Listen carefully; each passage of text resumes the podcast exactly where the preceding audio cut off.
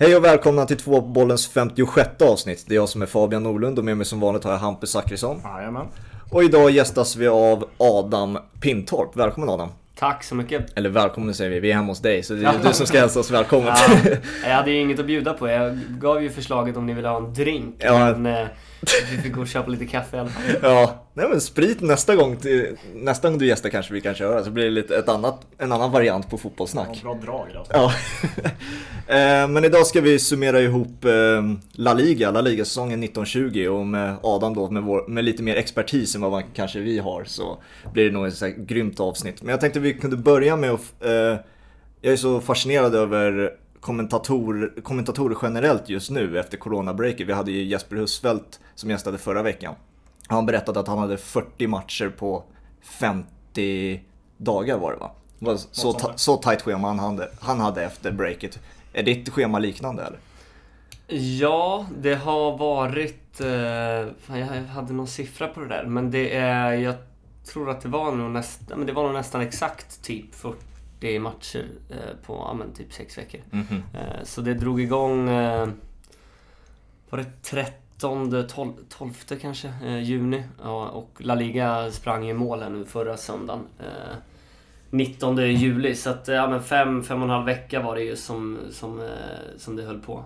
Sen ska jag köra någon Serie A-match här nu kommande helg. Eh, Men det har varit väldigt tätt schema. Men Mm. sjukt kul ändå, tycker jag. Ja, Eh, det, Att, att, att man inte har liksom fått vänta på nästa match. Det, det är nästan som... eh, Nu, nu är jag inget stort hockeyfan, men jag kan tänka mig att de som lever och andas hockey, att det är lite så att Mm. har man förlorat en match och det, det är inte så långt till eh, liksom chansen att ta revansch. Utan det, ja, det är en ny match om 72 timmar. Så ja. det är bara upp på hästen igen. Eh, vi pratade lite innan om La Liga-säsongen. Hur har du upplevt den? För att vi pratade om tidigare, att, i alla fall jag, att jag tycker att Serie A har liksom överskuggat La Liga-säsongen lite. För att den har varit så otroligt spännande att följa. Eh, hur har du upplevt säsongen generellt sett? Hur, var rankar du den någonstans? Eh, men så här. Det, det, har- det har väl varit spännande ur det perspektivet att många lag strax under toppen har varit väldigt bra. Eh, det var väl fyra lag som slogs om, eller fem lag som slogs om två Europa League-platser eh, i sista omgången och då var Villarreal redan Europa League klart. Det, det tycker jag är kul att en, även en nykomling som Granada kan vara med och, och utmana. Eh, Och att många av de där lagen som, som ibland är med och hotar om Europaplatser som Real Sociedad, som många svenskar har följt nu, eller grannrivalen då, Athletic eh, från Bilbao och sådär. De har varit bra och tagit steg. Men att den absoluta toppen har varit, alltså, det är bara att kolla på poängen. Både Real Madrid, Barcelona och Atletico har varit sämre än, än tidigare. Sen får vi väl se hur det går i eh, Champions League. Men det, det är väl min... Det, det har varit en något sämre toppstrid kan man Mm. väl säga. Även om det, det levde in på, in på näst sista omgången. Det var väl då Real Madrid eh, avgjorde det hela. Ja. Men, men topplagen har varit lite sämre i alla fall. Mm. Eh, Men hur man rankar den historiskt, ja jag vet inte. Det är kul att, det- att, det, är, att det är jämnt någonstans. Mm. Men som sagt lite sämre fotboll. I alla fall de där högsta nivåerna har inte riktigt funnits där som, Nej. som tidigare. Jag tänkte vi avslutar med toppstriden och eh, topplagen. Eh, Mm. Vi börjar från eh, botten och sen går vi till toppen. Eh, Så vi börjar med Espanyol då, som åker ur, to- blir total sist. Eh, Det var ju klart att de skulle bli nedflyttade för flera omgångar sedan. Eh, Mm. Varför är de så, alltså så klart sist som de är? Alltså det, det är en fråga jag önskar att jag hade ett eh, bättre svar på. För att eh, ser man till budget och ser man till spelare, lagdel för lagdel och även vad de investerade i under januari. De slog ju sitt transferrekord med liksom jättemarginal när de eh, värvade då Raúl de Tomas från Benfica. Adrien Barba som var jättestjärna nere i Rayo förvisso i andra divisionen. Men att de även plockade en spelare från Getafe som då var femma tror jag. Och en av deras bästa spelare, eh, Cabrera. För att liksom, okej nu, nu plockar vi in en mittback som, eh, som verkligen har kvalitet för att stabilisera upp det här. Mm. Men ingenting funkar ändå eh, och de blir tvärsist. Det är jättesvårt att säga.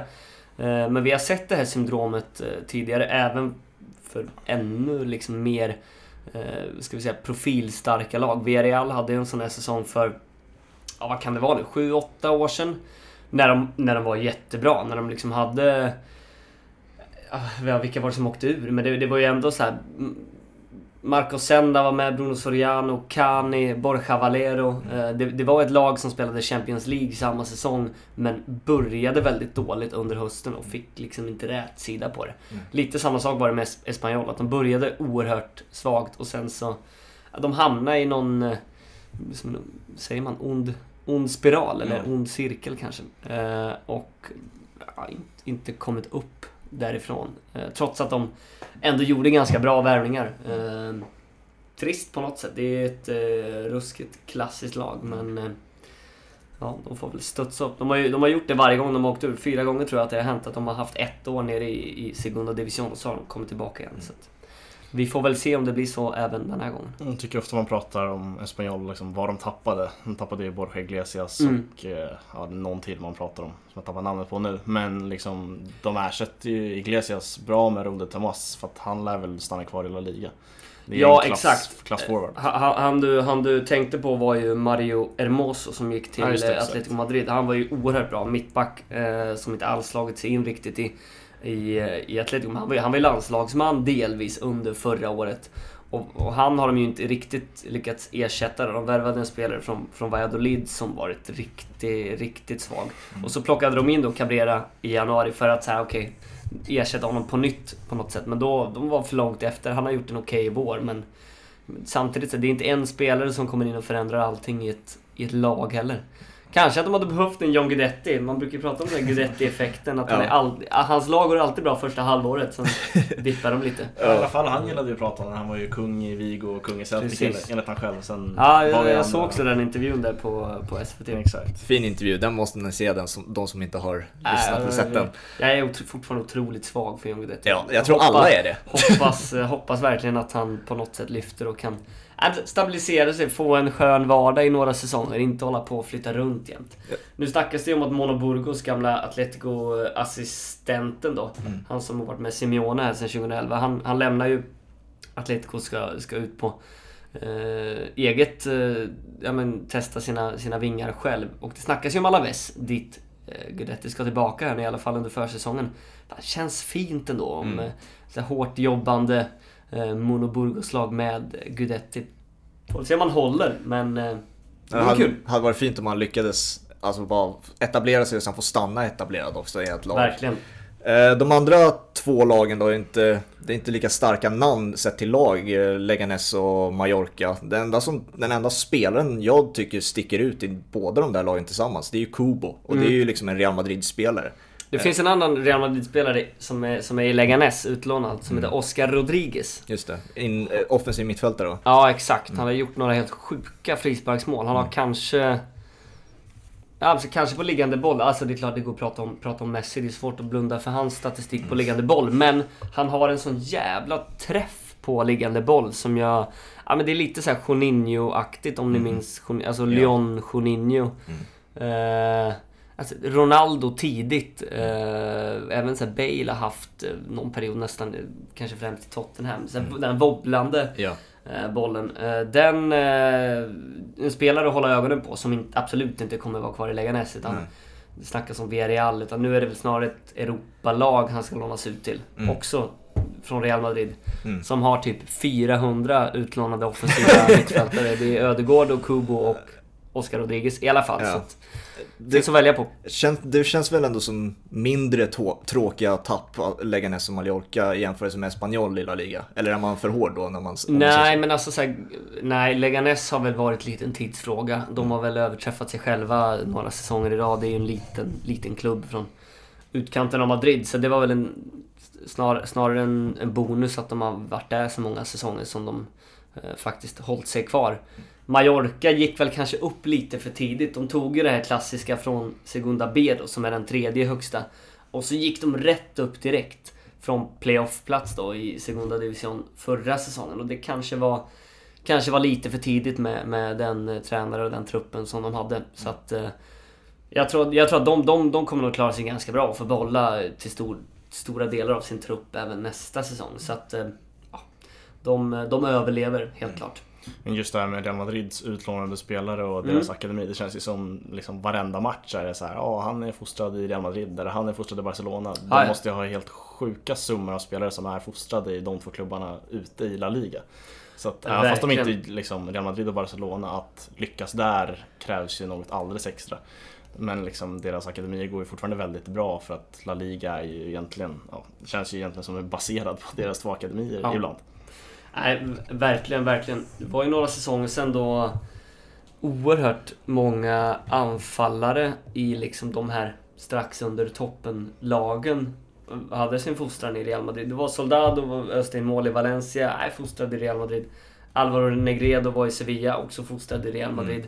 Eh, Juan Mata spelar ju också i Valencia, också en bakgrund i Real Madrid. Det är ju jättemånga som har det. Eh, Så att eh, det ligger någonting i det där. Och det, det är så här, alla kan ju inte få plats i Real Madrids 23-mannatrupp eh, varje säsong. Så jag menar, Oscar Rodriguez, eh, som vi pratade om lite kort från Leganes. Jag, jag vet inte om han har det där lilla extra riktigt. Eh, Det räcker ju inte med att bara ha en eh, Alltså den uspen att han är, han är bra på liggande boll. Det, det, det krävs ju kanske någonting mer. Kubo som du snackade om, han, han det, det, det är ju ren och skär talang alltså i den eh, lilla killen. Han, eh, han kan nog bli riktigt bra tror jag. Mm. Eh, så ska jag välja här och nu så tror jag mer på honom än, än eh, Oscar Rodriguez. Om, om någon ska tas tillbaka till Real Madrid så har vi Ödegård också som Ja. ska Mm. utmana. Så att, eh, de kommer väl kanske hamna i de här mindre klubbarna som ändå är bra. Mm. Vi kommer till Ödegård och Real Madrid lite senare. men, Eh, på tal om det här med att man ser gamla akademispelare. Man blir för, ibland så ser man på sociala medier, så här, jag har sett en bild för inte så länge sedan, en bild på Mauro Icardi i en Barcelona-tröja Mm. på typ 2008. Sådär. Mm. Spelare som man inte hade en aning om var i, i de här akademierna. Liksom... Han var, han var ju polare med Messi då tror jag, men eh, nu, är det, nu, är det, nu är det väl Messi som är lite anledningen till att han inte har eh, varit, alltså, tagits ut i det argentinska landslaget. Ja, Messi är väl team, team Maxi Lopez där i Ja. hela den affären. Eh, Maxi Lopez som också var i Barca under en kort period. Ja. Ja, invecklat. Sp- Spännande historia de där tre. Eh, vi rör oss uppåt lite mot eh, mitten. 15 plats hittar vi Real Betis och kanske, och det är också väldigt konstigt att se ett sånt lag med så fina spelare Mm. ligga så långt Ja, ner. alltså det, det är helt otroligt alltså. Ja. Jag, jag vet inte hur många säsonger i rad som jag, jag har ti- tippat Real Betis före Sevilla i tabellen. Mm. Inte den här säsongen, jag gjorde det förra, men de, de, alltså de, de, de, de har ju en förmåga att liksom överträffa sig själva på ett negativt sätt säsong efter säsong. Alltså, kollar man på pappret så ska det ju vara ett lag som utmanar dem alltså topp 6 placeringar. Eh, för de har ju spetskvaliteten i de offensiva spelarna de har. Kanske inte den där naturliga målskytten, även om de värvade ju Borja Iglesias från Espanyol. Men man visste kanske inte, han hade en säsong i La Liga eh, på CVt, man visste väl kanske inte om man hade den nivån i sig att, att leverera i ett eh, bättre lag. Men eh, jag menar, hur många mål gjorde han i Espanyol? Det var 16, 17 baljer ändå liksom. Så att, svårt att snacka bort att ändå rekrytera en sån spelare som skulle gå in och ta den rollen.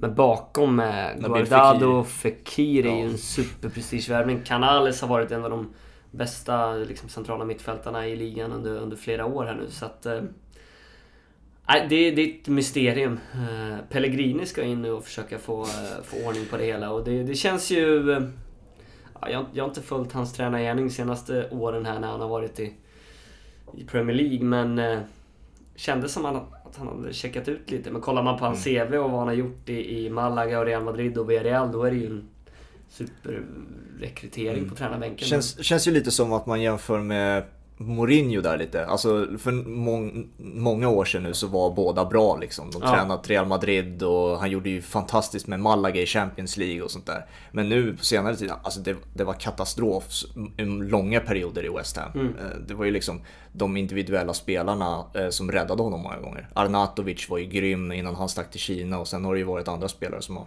liksom räddat hans jobb många gånger. Så Ja, det är kanske Spanien han hör hemma då. Och kan, kan den kulturen så bra att han kan rädda Real, Real Betis. Men det är ju inte på de senare meriterna han, han kommer rädda Real Nej, Betis. liksom. nej.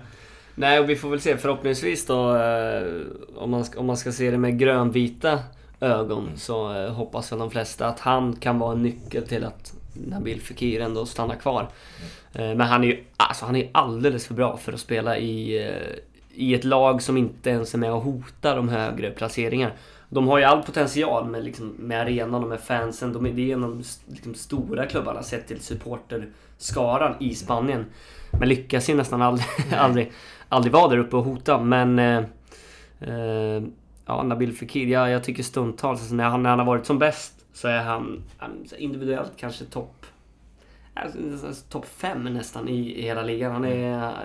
Ja, Hans siffror säger inte det, men han, eh, han är ruskigt bra. Det är också min känsla kring Fekir att han är egentligen typ för smart för Betis. Alltså han, kan, Exakt. han kan skicka iväg passningar, han kan göra, ha ett rörelsemönster som ingen annan fattar. Bara, ha, och då ser det ut som att Fekir, fan han är inte, han är inte Nej, så precis. bra. Det är lite Men- som Joao Felix i Atletico. Han är för smart för sina Ja medspelare. exakt. Så att, eh, ja, han lär väl bli kvar i Betis, eh, inte hört något annat. Så att eh, kanske får fart Jag gjort lite för få. Det är kanske genidrag att de inte låtit honom ta så många frisparkar och straffar så att han hade varit uppe på så här 12-13 mål. Utan nu står han där på sina ynka sju. Ja. Och folk bara Fan Fekir, han är nog inte så bra ändå." Det är Franska ligan och Lyon, det, var, det passade honom bra. Och de, han, han tog för många straffar och ja. Nej, vi får se. Han är, han är superbra. Behåller de honom så... eh, Mycket, mycket vunnet skulle jag säga. Men hur kom han ens dit? Det var ju snack om Liverpool sommaren innan och grejer och det var något knä som gjorde att det inte blev av. Och sen Nej, så har precis, han, hamnade var han i rehabilitering. i, Ja, i, exakt. i Liverpool. Så den sprack och det var väl tungt. Men sen, och han hade väl inte riktigt en lika stark säsong där efter i, i Lyon. Eh, Men... eh, Ja, bra fråga.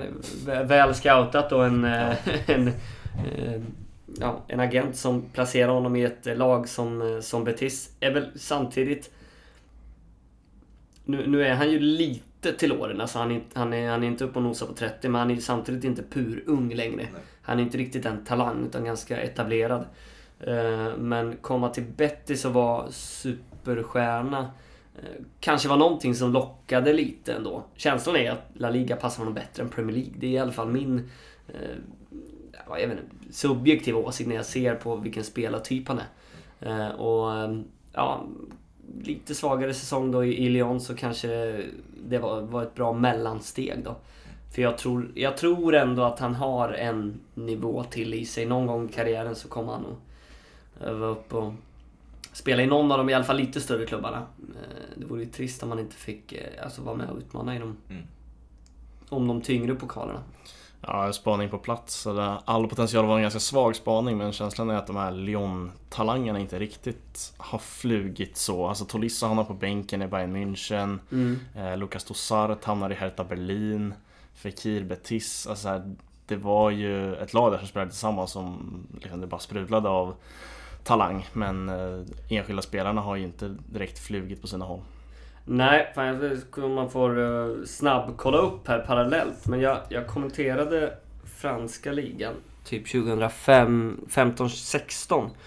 Och då hade Lyon ett helt sjukt lag. Alltså just med tanke på att man tänkte att så här, shit, det här, det här kommer bli ett lag där man, som man pratar om. Nu har jag glömt av vad fan alla heter. Men då, då hade de...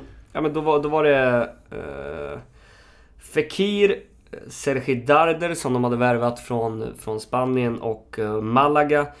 Samuel Umtiti, ah, okej det gick väl okej Ja. för dem, eh, får vi säga. Men Tolisso, eh, de hade Jordan Ferri som också var en sån här centralfältare som många trodde att så här, den, den här gubben kommer gå hur långt som helst. Men ingen av de där mittfältarna, nej det är klart Tolisso, han har vunnit VM, han spelar i Bayern München. Det är ju, Ja, jo, han sitter inte och dåligt på kvällarna. Men, men, men man, man trodde kanske att några av dem skulle ha mm, tagit, tagit ytterligare en nivå. Mm. Eh, Så det köper jag ändå. Ja, de har väl någon liksom, ny vågar där också med Ryan Cherki eh, och så är det någon till där många snackar om. Så att de, deras akademi gör ju väldigt mycket rätt. Verkligen. Eh, sen har de väl inte lyckats få ut det mesta av liksom, deras potential och det har väl mer med spelarna att göra kanske. Vad heter han som de flesta snackar om? Är det Oar, eller vad heter han? Ja, Ja, han är Centrala mittfältaren. Exakt. Eh, Ja, mm, Så att, ja, bra, bra akademi i Lyon får man säga. verkligen. Tillbaka till Spanien då. eh, Valencia rör vi oss upp mot nionde plats då. Eh, kaosklubben nummer ett är väl kanske det man får säga i, Ja, i Spanien. Eh, är det Peter Lim spelar truppen, tränarposten. Vad är det man ska lägga mest fokus på? Eh, Ja, men det, det, det, det är oerhört mycket som, som, som, som händer. Det är jättesvårt att redogöra för att det känns som... Det är som en dokusåpa. Det händer eh, liksom 14 nya grejer från, från dag till dag. Så det är svårt att, svårt att ta in. Eh, det var ju snack ett tag om att eh, Peter Lim skulle, skulle ge Jorge Mendes, demonagenten, full fullmakt i princip åt att välja tränare och spela trupp. Eh, lite likt det han har gjort i Wolverhampton då. Eh, och det har han ju gjort mer eller mindre tidigare i Valencia och han har ju tagit många, många liksom, duktiga spelare till klubben med, sina, med, sina, med, alltså med sitt kontaktnät. Men det Valencia hade behövt är ju alltså, långsiktig stabilitet och struktur som de kanske hade i Marcelino men lät honom få tre omgångar förra säsongen innan de gav honom foten. Och jag menar, Celades var ju någon form av... Det kändes ju som en paniklösning eh, som till slut också fick sparken. Det var ju knappast något långsiktigt alternativ som var, som var genomtänkt. Och nu eh, det, det är ju full polemik mellan, eh, mellan liksom de som sitter i styrelserum och supportrarna. Eh, jag tror att det var dottern till Peter Lim som la ut en... Eh, Det var det absolut det var sjukaste väl som en hände. Insta-story. Exakt. Där hon la ut någonting i stil med ja, men, eh, Valencia Club de Fotboll eh, är vårt. Eh, och det finns ingenting ni kan göra åt det. Deal with it var, var Ja, liksom. men hon, Och det, det, är ju- det är helt sjukt. Så hon hade ju kunnat bli mördad för, för en sån sak. Eh, det, Alltså hatet mot Peter Lim hade väl liksom letat sig in i hennes kommentarsfält också. Och då la han ju ut det att här, Ja, vad, ja. vad är det ni inte fattar? Klubben och det är klart är att vår det, och vi det, gör det, vad vi vill. det, är inte, det är inte rätt att, att, att, eh, att de har ju säkert skrivit jävligt mycket sjuka grejer till både Peter Lim och till henne. Men ah, hon, hon gör ju inte saker och ting enklare Nej. genom att eh, publicera en sån grej. Så att, äh, det ska bli sjukt intressant att se vilken väg de väljer. Eh, och om de tar in liksom vettiga rådgivare. För det är inte de som... De, de sitter ju på makten men det är inte de som alltid tar de sportsligt avgörande besluten. Även om de eh, sitter inne på ett veto. Så vi får se om de eh, lyckas ha bra rådgivare. Eh, om det blir eh, ett Mendes-spår eller, eller vad de väljer. Snackades lite om Bordalas som har tränat eh, Getafe under säsongen och inte verkar fortsätta. Det låter ju som ett superalternativ men eh, senaste jag läste var att det inte blir eh, Bordalas. Så att, nej, vi, vi, får, vi får se vad som händer med Valencia men eh, fiaskosäsong får vi väl säga med tanke på att de hade, eller har en fin generation spelare, vann kuppen i fjol och det kändes som att de borde snarare tagit nästa steg. Värvade också ganska smart med att få fått in en, en nia som är duktig i Maxi Gomez, men han har ju också hamnat i Mm. eh, hamnat lite snett i alla fall med förre tränaren Celades. Så att, eh, det är mycket, mycket som stormar kring Valencia. Det är väl en nionde plats, det är väl det som då då blir det ju liksom, okej det här var en ja, eh, verkligen. men alltså Champions League har de ju spelat den här säsongen. Så det är väl sånt som liksom räddar lite Peter Lim och situationen runt klubben. Man kollar, laget är ändå i Europa så att vi mår ju hyfsat bra ändå. Och det är ju där Valencia ska vara, runt topp 4. Eh, det är väl storleken på klubben liksom. Jo, fast de, de, de har väl lite så här, jag ska inte säga att alltså, fansen tror jag är betydligt mer ödmjuka och framförallt väldigt duktiga på att alltid stå, stå bakom även i, i vått och torrt. Men, men delvis så, så, så har ju liksom Valencia eh, någonstans eh, en åsikt om sig själva att, att alltid vara ett topp 4-lag. Det är väl lite som Arsenal, alltså blir, blir de femma eller sexa så är det inte helt okej. för de tänker att de, de, de var invisible 2004. Ah, Valencia var i två, två raka Champions League-finaler. Eh, 0-1, eh, eller runt millennieskiftet och vann ligan 2004. Alltså det, det är deras självbild, även om de vet att saker och ting har förändrats. De har ju hamnat längre ifrån den absoluta toppen. Så att de inte ska vara i Champions League, det är klart att de, de vet om att det krävs mycket att vinna, vinna ligan. Men att de inte ska vara i Champions League och inte ens vara, vara i Europa League, alltså det, det är ju... Det är ett fasansfullt fiasko. Även sett till så här, truppen. De har haft mycket sämre lag senaste årtiondet. Eh, jag minns när de sprang runt med Stankevicius som eh, mittback. Det var någon, det var någon litauisk spelare. Och eh, Dialbert som också... äh, De hade så fruktansvärt dåliga spelare och räddades typ av David Villa att de hade offensiv kvalitet många säsonger. Eh, och efter det då, nej, men de har alltid haft ganska många, många skickliga offensiva spelare. Efter hela David Villa-soppan så kom ju Soldado och den vågen av eh, anfallare. Eh, men eh, med, med tanke på laget de har, nionde plats är ju det är ett dunderfiasko. Finns det en annan mittenklubb innan vi går över till topp 7 som eh, du vill eh, bara nämna liksom, som du har imponerats av eller tvärtom blivit, tycker har varit floppat lite? Nej, alltså egentligen inte. Det är... Eh, Atletic Club ligger ju där i, i mitten av tabellen, men de, de är ju ett lag som Får de allt att stämma så kan de absolut vara topp 6. Mm. Eh, och de ska absolut aldrig vara involverade i en bottenstrid. Men de har ju också tagit sig till cupfinal. Mm. Som förvisso kommer spelas senare. Men det, det, kan ju bli en supersäsong för deras del. Om de blickar tillbaka på att de vann kuppen mot Real Sociedad. Så för, för deras del så är det så ja, nu slutade de 11. Mm. Det är ju kanske inte tillräckligt bra med tanke på att de har en trupp som borde kunna sluta 7-8. Eh, men samtidigt så, ja men Cupframgången kan ju ändå sminka över det hela och göra det till en jättebra säsong. Mm. Eh, så de, eh, de har ju lite det att falla tillbaka på egentligen. Mm. Sen får vi väl ändå nämna att Getafe stod för en rejäl kollaps i ja, slutomgångarna, eller slutveckorna och ja, föll på eget grepp och tappade, tappade Europa. Och ja, jag tänkte på i Bilbao så har man ju Unai Simon som ser ut att vara ännu bättre än vad Kepa var ja, verkligen. i Bilbao. Vilket att, genidrag. Eh, så att de kanske ja, kan ju sälja två keeprar på bara några år för typ 2 miljarder. För att Unai Simon lär ju inte gå för mindre pengar än vad Kepa gjorde.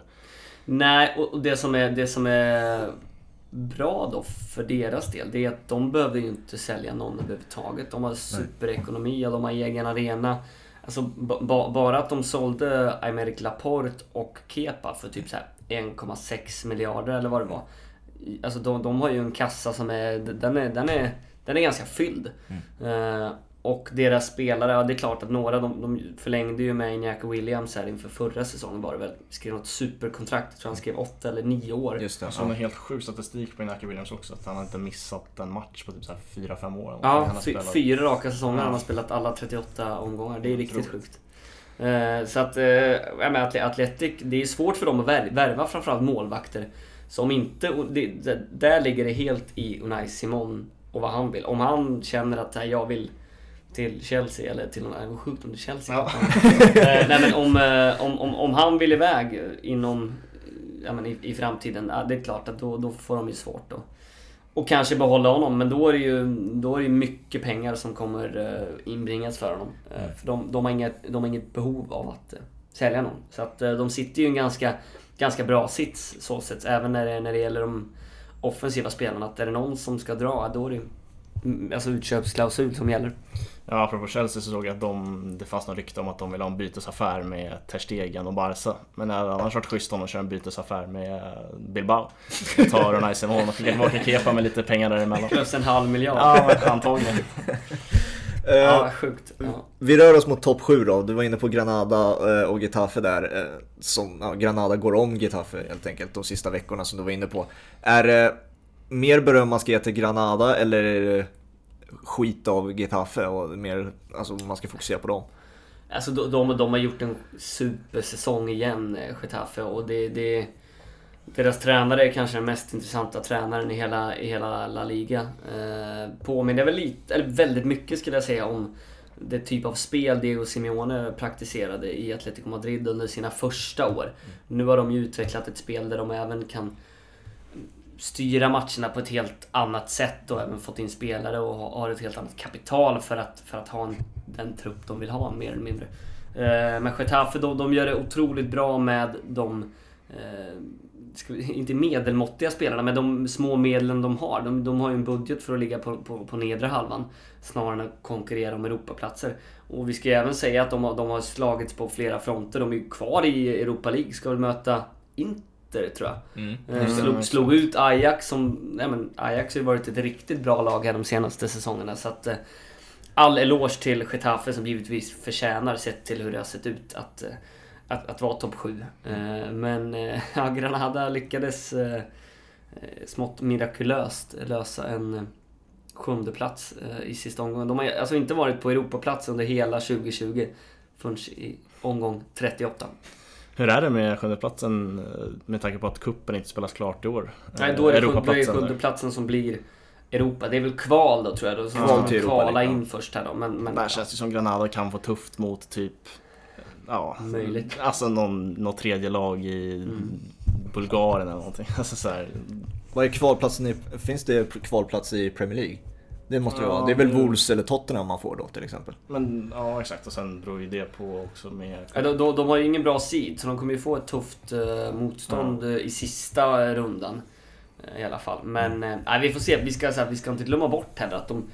På hemmaplan så har de ju tagit poäng av typ alla lag som är över i tabellen. Eh, så att inget lag kommer åka dit och få det, få det simpelt. Nej. Um, nej, man ska nog inte underskatta Granada. Det vore ju skitkul Och det de ska man säga också i Europa. League-kvalet så är det ju enkelmöte nu. Med tanke på att man måste få det klart i tid. Just så det. Att, eh, Hur spelas de då? Vilket lag är hemma eller lottas Ja, jag har det? faktiskt ingen koll. på- Men något, För det är ju inte på så något att de- sätt lottas det ju. Eh, Ja, för de men- åker ju inte iväg på något camp som Champions League liksom och, och Nej, avslutar exakt. allt i Portugal. Men det är intressant om det är liksom 50-50 lott. Det är som BVM, de får åka till Algarve och spela på en riktigt risig träningsplan. Och... Så det kan ju ja, det kan betyda mycket för Granada om de får hemmamatcher. Ja, såklart. Nej, det vore, det vore kul, men det är ju en sensation i sig och jävligt imponerande att de Mm. som nykomling eh, kniper en sjunde plats. Alltså, Ja, det är sjukt. historiskt för, för den lilla klubben. Mm. Vi rör oss uppåt då mot Real Sociedad och vi var ju inne på det alltså i början på säsongen Hampus, att det var ju laget man alltså, var spänd på att se hur det skulle funka med Isaks första säsong i La Liga och Ödegaard då, som man vet hur mycket kvalitet han har i sig men man visste inte riktigt om man kunde nå upp till den där riktiga toppnivån som, som många i hans position har gjort. Ehm, men de lyckades ju och de har ju varit otroligt roliga att titta på. Vad, vad är nyckeln till att det har lossnat för dem? Är det bara kvalitet på spelarna? Är det därför? Ja, det, delvis, men ehm, många av de här unga spelarna har ju samtidigt lyckats ta nästa steg. Och det, det ligger väl delvis också i, i sättet de spelar, att det passar väldigt bra för, för många av de här. Och, och tränaren Alguacil, han är ju en, han är också en skön tränare som som in, nu har han gjort lite mer i slutet, anpassat taktik lite efter lag. Han har nästan så här pissat på sig lite för att eh, han har varit rädd att tappa en Europaplats. Nu löste det sig till slut ändå. Eh, men eh, annars, så, annars så har han varit ganska, ganska tydlig och, och hållit fast vid sin spelidé. Ödegård har ju fått en nästan skräddarsydd roll där som nummer 10 och har ju passat honom superbra. Eh, och som sagt, många unga spelare som har varit oerhört mycket bättre än vad jag tror de flesta hade, hade förutspått inför säsongen. Så att eh, lite timing att, att allting klaffar vid, vid samma tidpunkt. Sen har de gjort ett svagt, jag menar, svag, vad ska vi kalla det, sista del då. Sen återstarten så har ju Real Sociedad varit ett av de sämsta lagen. Så det var ju på, fan med det berömda så att de lyckades ta en eh, Europaplats. Men över helheten så är de ju jättevärda och det hade varit trist om det hade blivit Getafe som hade Mm. nypt den där sista istället för Real Sociedad. Ja. Hur skulle du summera Isaks första La Liga-säsong? Ja men eh, med tanke på att han nästan aldrig spelar 90 minuter och landar... eh, Om vi även då får sträcka oss till, till Copa del Rey då. Så, så är, landar han ju på 16 mål.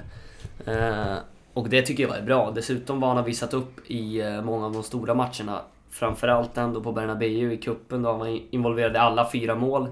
När de slog ut Real och även ja, han nätade mot Barca och han har varit bra. Han har ofta startat de matcherna mot de tyngre lagen och varit ofta väldigt bra. Så att eh, skeppa William José och låt Isak vara eh, liksom given nummer ett och, och starta 34-35 La Liga-matcher så tror jag att han är uppe på nosar på nej, 16, 17, 18 mål nästa säsong.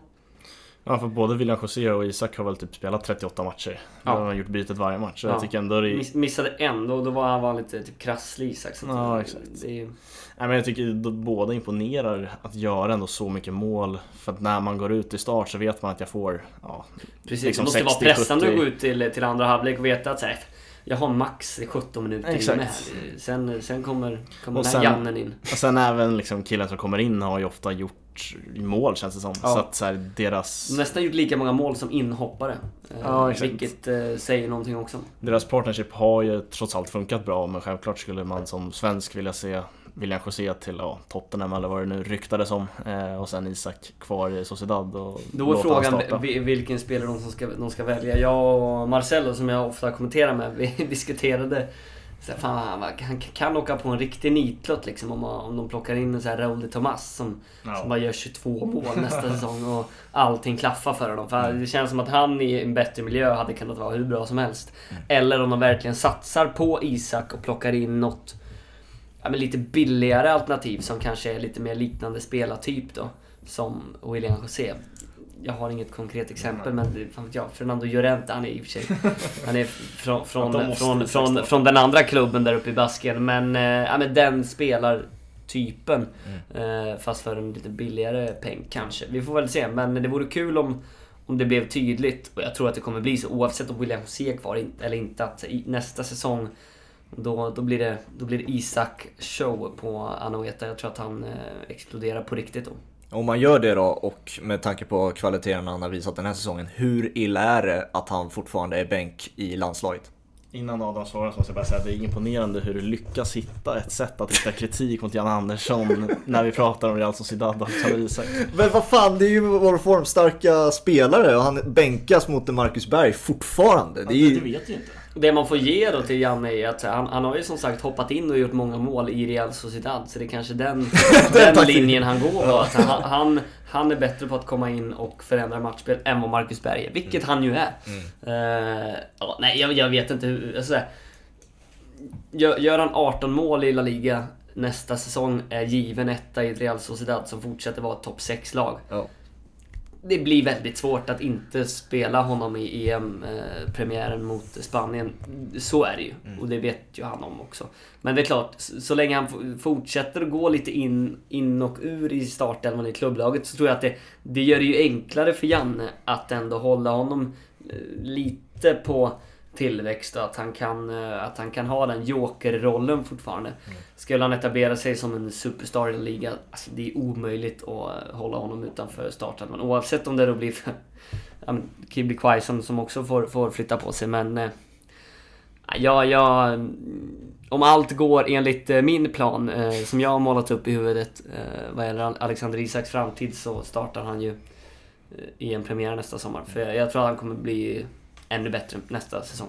Ja, jag tror inte Janne är dum heller. Liksom. Han, han ser ju vad Isak, Isak håller på att Ja, bli. ja. Eh, och han, Isak har ju framförallt mått bra av att EM flyttades fram ett år. För att, Verkligen. eh, Berg hade ju startat och spelat de allra flesta minuterna i, i det här EMet eh, som skulle känns som att ganska år. många svenska spelare, nu kanske vi inte ska fastna i det, men ganska många av de yngre i alla fall. Quaison är inte så jävla ung, men han är fortfarande en ung karriär på den här nivån. Jag menar, han, han tog sig in i landslaget för bara ett par år sedan på allvar liksom. Mm. Kulusevski, uh, Claesson hinner tillbaka, Kristoffer Olsson kanske hinner byta klubb och kanske etablera sig lite mer. Det känns som att eh, det gynnar ganska många. Och eh, våra övriga spelare, ja det är klart, det kanske inte gynnar Sebastian Larsson och Nej. sådär. Men, men, men övriga hinner ändå få något, något år till och jag, jag tror att så här, Jag tror inte det spelar så stor roll. Lustig gnetar väl på. Han kommer ju hålla Ja, gubbarna är kvar. samma nivå om ett år, det tror jag. Ja, känslan är alltså att svenska, lag, svenska landslaget generellt har mått bra av att det flyttades fram ett år. Emil Kraft har fått mycket speltid i Newcastle så att det har blivit helt andra liksom, konkurrenssituationer där vi har ganska ja, men, fin konkurrens på typ alla positioner. Ja. Om vi avslutar med Martin Ödegaard då. Mm. Eh, ska det vara Real Madrid eller Real Sociedad? Eh, och är det rimligt att säga att han ska ha en startplats i Real Madrid nu? Trots att Real Madrid vinner eh, La Liga. Martin Ödegaard hösten 2019 var ju... Alltså han, han, han var ju en av hela ligans bästa spelare. Det, det är ju inte ens en överdrift. Utan han, han var ju han var otrolig. Men eh, nu, nu har han ju lidit av ett jumpers knee som det kallas. Ett hoppknä blir väl den raka översättning, översättningen. Inte så jävla vanligt på fotbollsspelare väl? Det känns som att det är mer på en, jag vet inte, badmintonskada typ eller någonting. Det Men låter skit- som en sån här tonårsskada, en sån här växtvärk eller Han är ju ty, typ tonåring. Ja, Eh, det det. Ja, det är väl liksom knäskador ofta slatter. Alla Ja, hade ju exakt. slatter när man Ja. var 15-16. Nej men... Eh, sen, sen är det svårt att säga hur, hur mycket han har påverkats och hur mycket det har hämmat honom under ja, våren och sommaren. Men han har ju varit en skugga av sitt eh, höstjag så att säga. Eh, så... Ehm, nej, om, det, om det kändes eh, ganska givet att så här, wow, den här spelaren har tagit de här kliven som ingen riktigt visste att han hade gjort i, eh, ja, men först då i den holländska ligan och sen presterade här. under den här hösten i Real Sociedad. Det är klart att då kommer han att kunna vara med och konkurrera i Real Madrid. Men nu känns det som att dels vill Luka Modric vara kvar och spela ut sitt kontrakt och just nu är han en bättre fotbollsspelare än vad Martin, Martin Ödegård är. Mm. jag, jag blir oerhört förvånad om han inte spelar i Real Sociedad. Jag, blir, jag blir förvånad om han spelar i Real Madrid mm. nästa säsong. Och då är det väl givet att han är kvar i, i Real Sociedad. Framförallt att de löste Europaplats. Det kommer finnas, finnas bra utrymme att, uh, att liksom utvecklas och få spela ännu mer där. Många matcher. Uh, känna på det. Jag tror att han... Det bästa för alla parter är väl att mm. han stannar en säsong till. Mm. Innan, innan vi tar topp 4 så har ju Sociedad eh, absolut roligaste som hänt på hela, hela ligasäsongen. Det är när Ja det är väl mot Barcelona eller något derby mot Bilbao där när Nacho Monreal och Jarzabal ska gå upp och kramas och knockar varandra totalt. Och Monreal går ut och blöder. Och... Just det. Ja, det var oerhört märkligt. Jag kommer inte ihåg vilken match det var. Nej, det var en stor match kommer jag ihåg. Jag kommer ihåg att jag såg den, jag satt och spolade tillbaka typ tio gånger. Ja, det var, vad fan är det som händer? Ja. Jag vet att uh, vår sociala medier redaktion på, på TV4 hade ganska, ganska kul åt det. De klippte ut det och kastade ut. Det kommer nog kunna användas eh, om ganska mycket tror jag, ja. eh, framöver. Mm. Ja, det var kul. Villarreal då. Eh, det enda som liksom symboliserar hela den säsongen är ju Santi Cazorla för mig. Mm. Eh, som nu eh, ska, vad är det för lag han ska till nu? Han ska, han ska till Chavis lag i eh, Al-Sad. Al-Sad. Så, ja. så att... Eh, ja men han, han, han tar väl Xavi-rollen då i Chavis lag. Eh, och eh, ska väl casha in det sista här. Eh, det är klart att han har tjänat sina pengar genom åren men... Eh, jag, jag, jag, vet inte, det, det känns ju... På ett sätt så känns det tragiskt. Ja, det tycker jag med. Eftersom att han har varit så jävla bra. Alltså, mm. han, har, han har varit en av de bästa spelarna i ligan. Eh, och kunnat vara så dominant i vissa matcher som... Eh, det känns helt sjukt efter typ fem operationer och två, två års skadefrånvaro i, i Arsenal. Att han, att han kunde komma upp till den nivån, tagit sig in i landslaget. Nu känns det som att Al-Sad, det är klart att Kommer Luis Enrique titta på, på Chavis matcher i Al-Sad och plocka ut Cazorla till ett EM? Jag vet inte. Han kanske dock inte bryr sig. Han har redan vunnit EM två gånger. Ja. Eh, utan nu kanske prioriterar att eh, ta ett sista äventyr och, och tjäna, jag vet inte, fem gånger så mycket som man gör i Villarreal. Ja, ja, man får väl köpa det. det. Han är väl också bara människa. Du säger Men det. Det, känns, det känns trist eftersom att han, han har varit så bra. Det, det hade varit ja. enklare om... När hans lagkamrat Bruno Soriano ska ju också lämna Villarreal nu. Jag vet inte om han lägger av eller om, det, om han liksom ska söka sig till en ny klubbadress. Han har ju också varit borta i tre år. Han är inte riktigt samma spelartyp som man... Det är inte så att man går till jobbet och eh, ja, men nästan fäller en tår av glädje för att se Bruno Soriano spela fotboll. Även om han i sina bästa stunder kanske varit en av ligans bästa på sin position. Men Santi Cazorla kan jag man kan ju vakna mitt i natten och vilja ha match nu för att ja. Cazorla ska spela fotboll. Ja. Eh, så att, det, det är trist med såna, såna spelartapp. Det mm. går ju inte att komma ifrån. Men du nämnde att han har ju vunnit eh, alltså, titlar med Spanien, men det här är ju väl han har ju tidigare haft Xavi och Iniesta att konkurrera mot mm. på i mittfältet. Det här är ju kanske hans största chans att få en rejäl med speltid i ett VM också. Trots åldern han har och sådär. Så det, han ger ju upp jättemycket känns det ju som. Ja, det, det, det känns lite, lite, lite märkligt eh, får ja. man säga. Men... Eh, jag vet inte. Får hänvisa till Yannick Carrasco i Atletico Madrid som drog till Kina när han var 24 men ändå behöll sin plats i belgiska landslaget. Så uppenbarligen så går det ju. Ja. Men det känns... Eh, att det är klart det känns lite deppigt just att, att en sån spelare försvinner från ligan. Men han är ju 34, är han 35 till och med? 35 tror jag. Så att, eh, ja, han, han, han ser väl slutet också och mm. ja, tar väl sin chans här. Finns det något mer du vill tillägga på den gula ubåten eller ska vi gå vidare till Sevilla? Ja, det, det som är intressant är, är att ingen har pratat om Villarreal under hela säsongen. Alla, alla, har pratat om eh, ja, men, hårt arbetande, lite primitiva Getafe eh, som spelar tråkig fotboll och är med och konkurrerar om Europaplatser. Och det roliga, attraktiva Real Sociedad med Martin Ödegård och eh, Alexander Isak. Ingen har pratat om Villarreal som helt plötsligt under de senaste veckorna sprungit om alla. Och, och, alltså hade resultaten gått med och hade de vunnit mot Sevilla, mm. typ när det var fyra, fem omgångar kvar, så hade de haft chans på att ta en Champions League-plats. Mm. Så att, eh, det är imponerande vad de har, de har smugit med och eh, ändå gör en sån kanonsäsong. De hade ju ganska kämpigt i fjol. Blev väl typ sl- slutade på plats 14 eller något sånt där. Mm. Eh, och var nästan och harvade ner i botten. Så att... Eh, imponerande. Mm. Sevilla då? Eh, alltså rent sett i spelartrupp är det ju inte namn. Om man inte har bra koll på La Liga är det inte så många namn som sticker ut. Det kanske är Reguilon där, Real Madrid-lånet, vänsterbacken och, och Campos. Hade bara gjort typ en halv säsong i La Liga då. exakt. 14 matcher tror jag han gjorde förra säsongen i, Mm.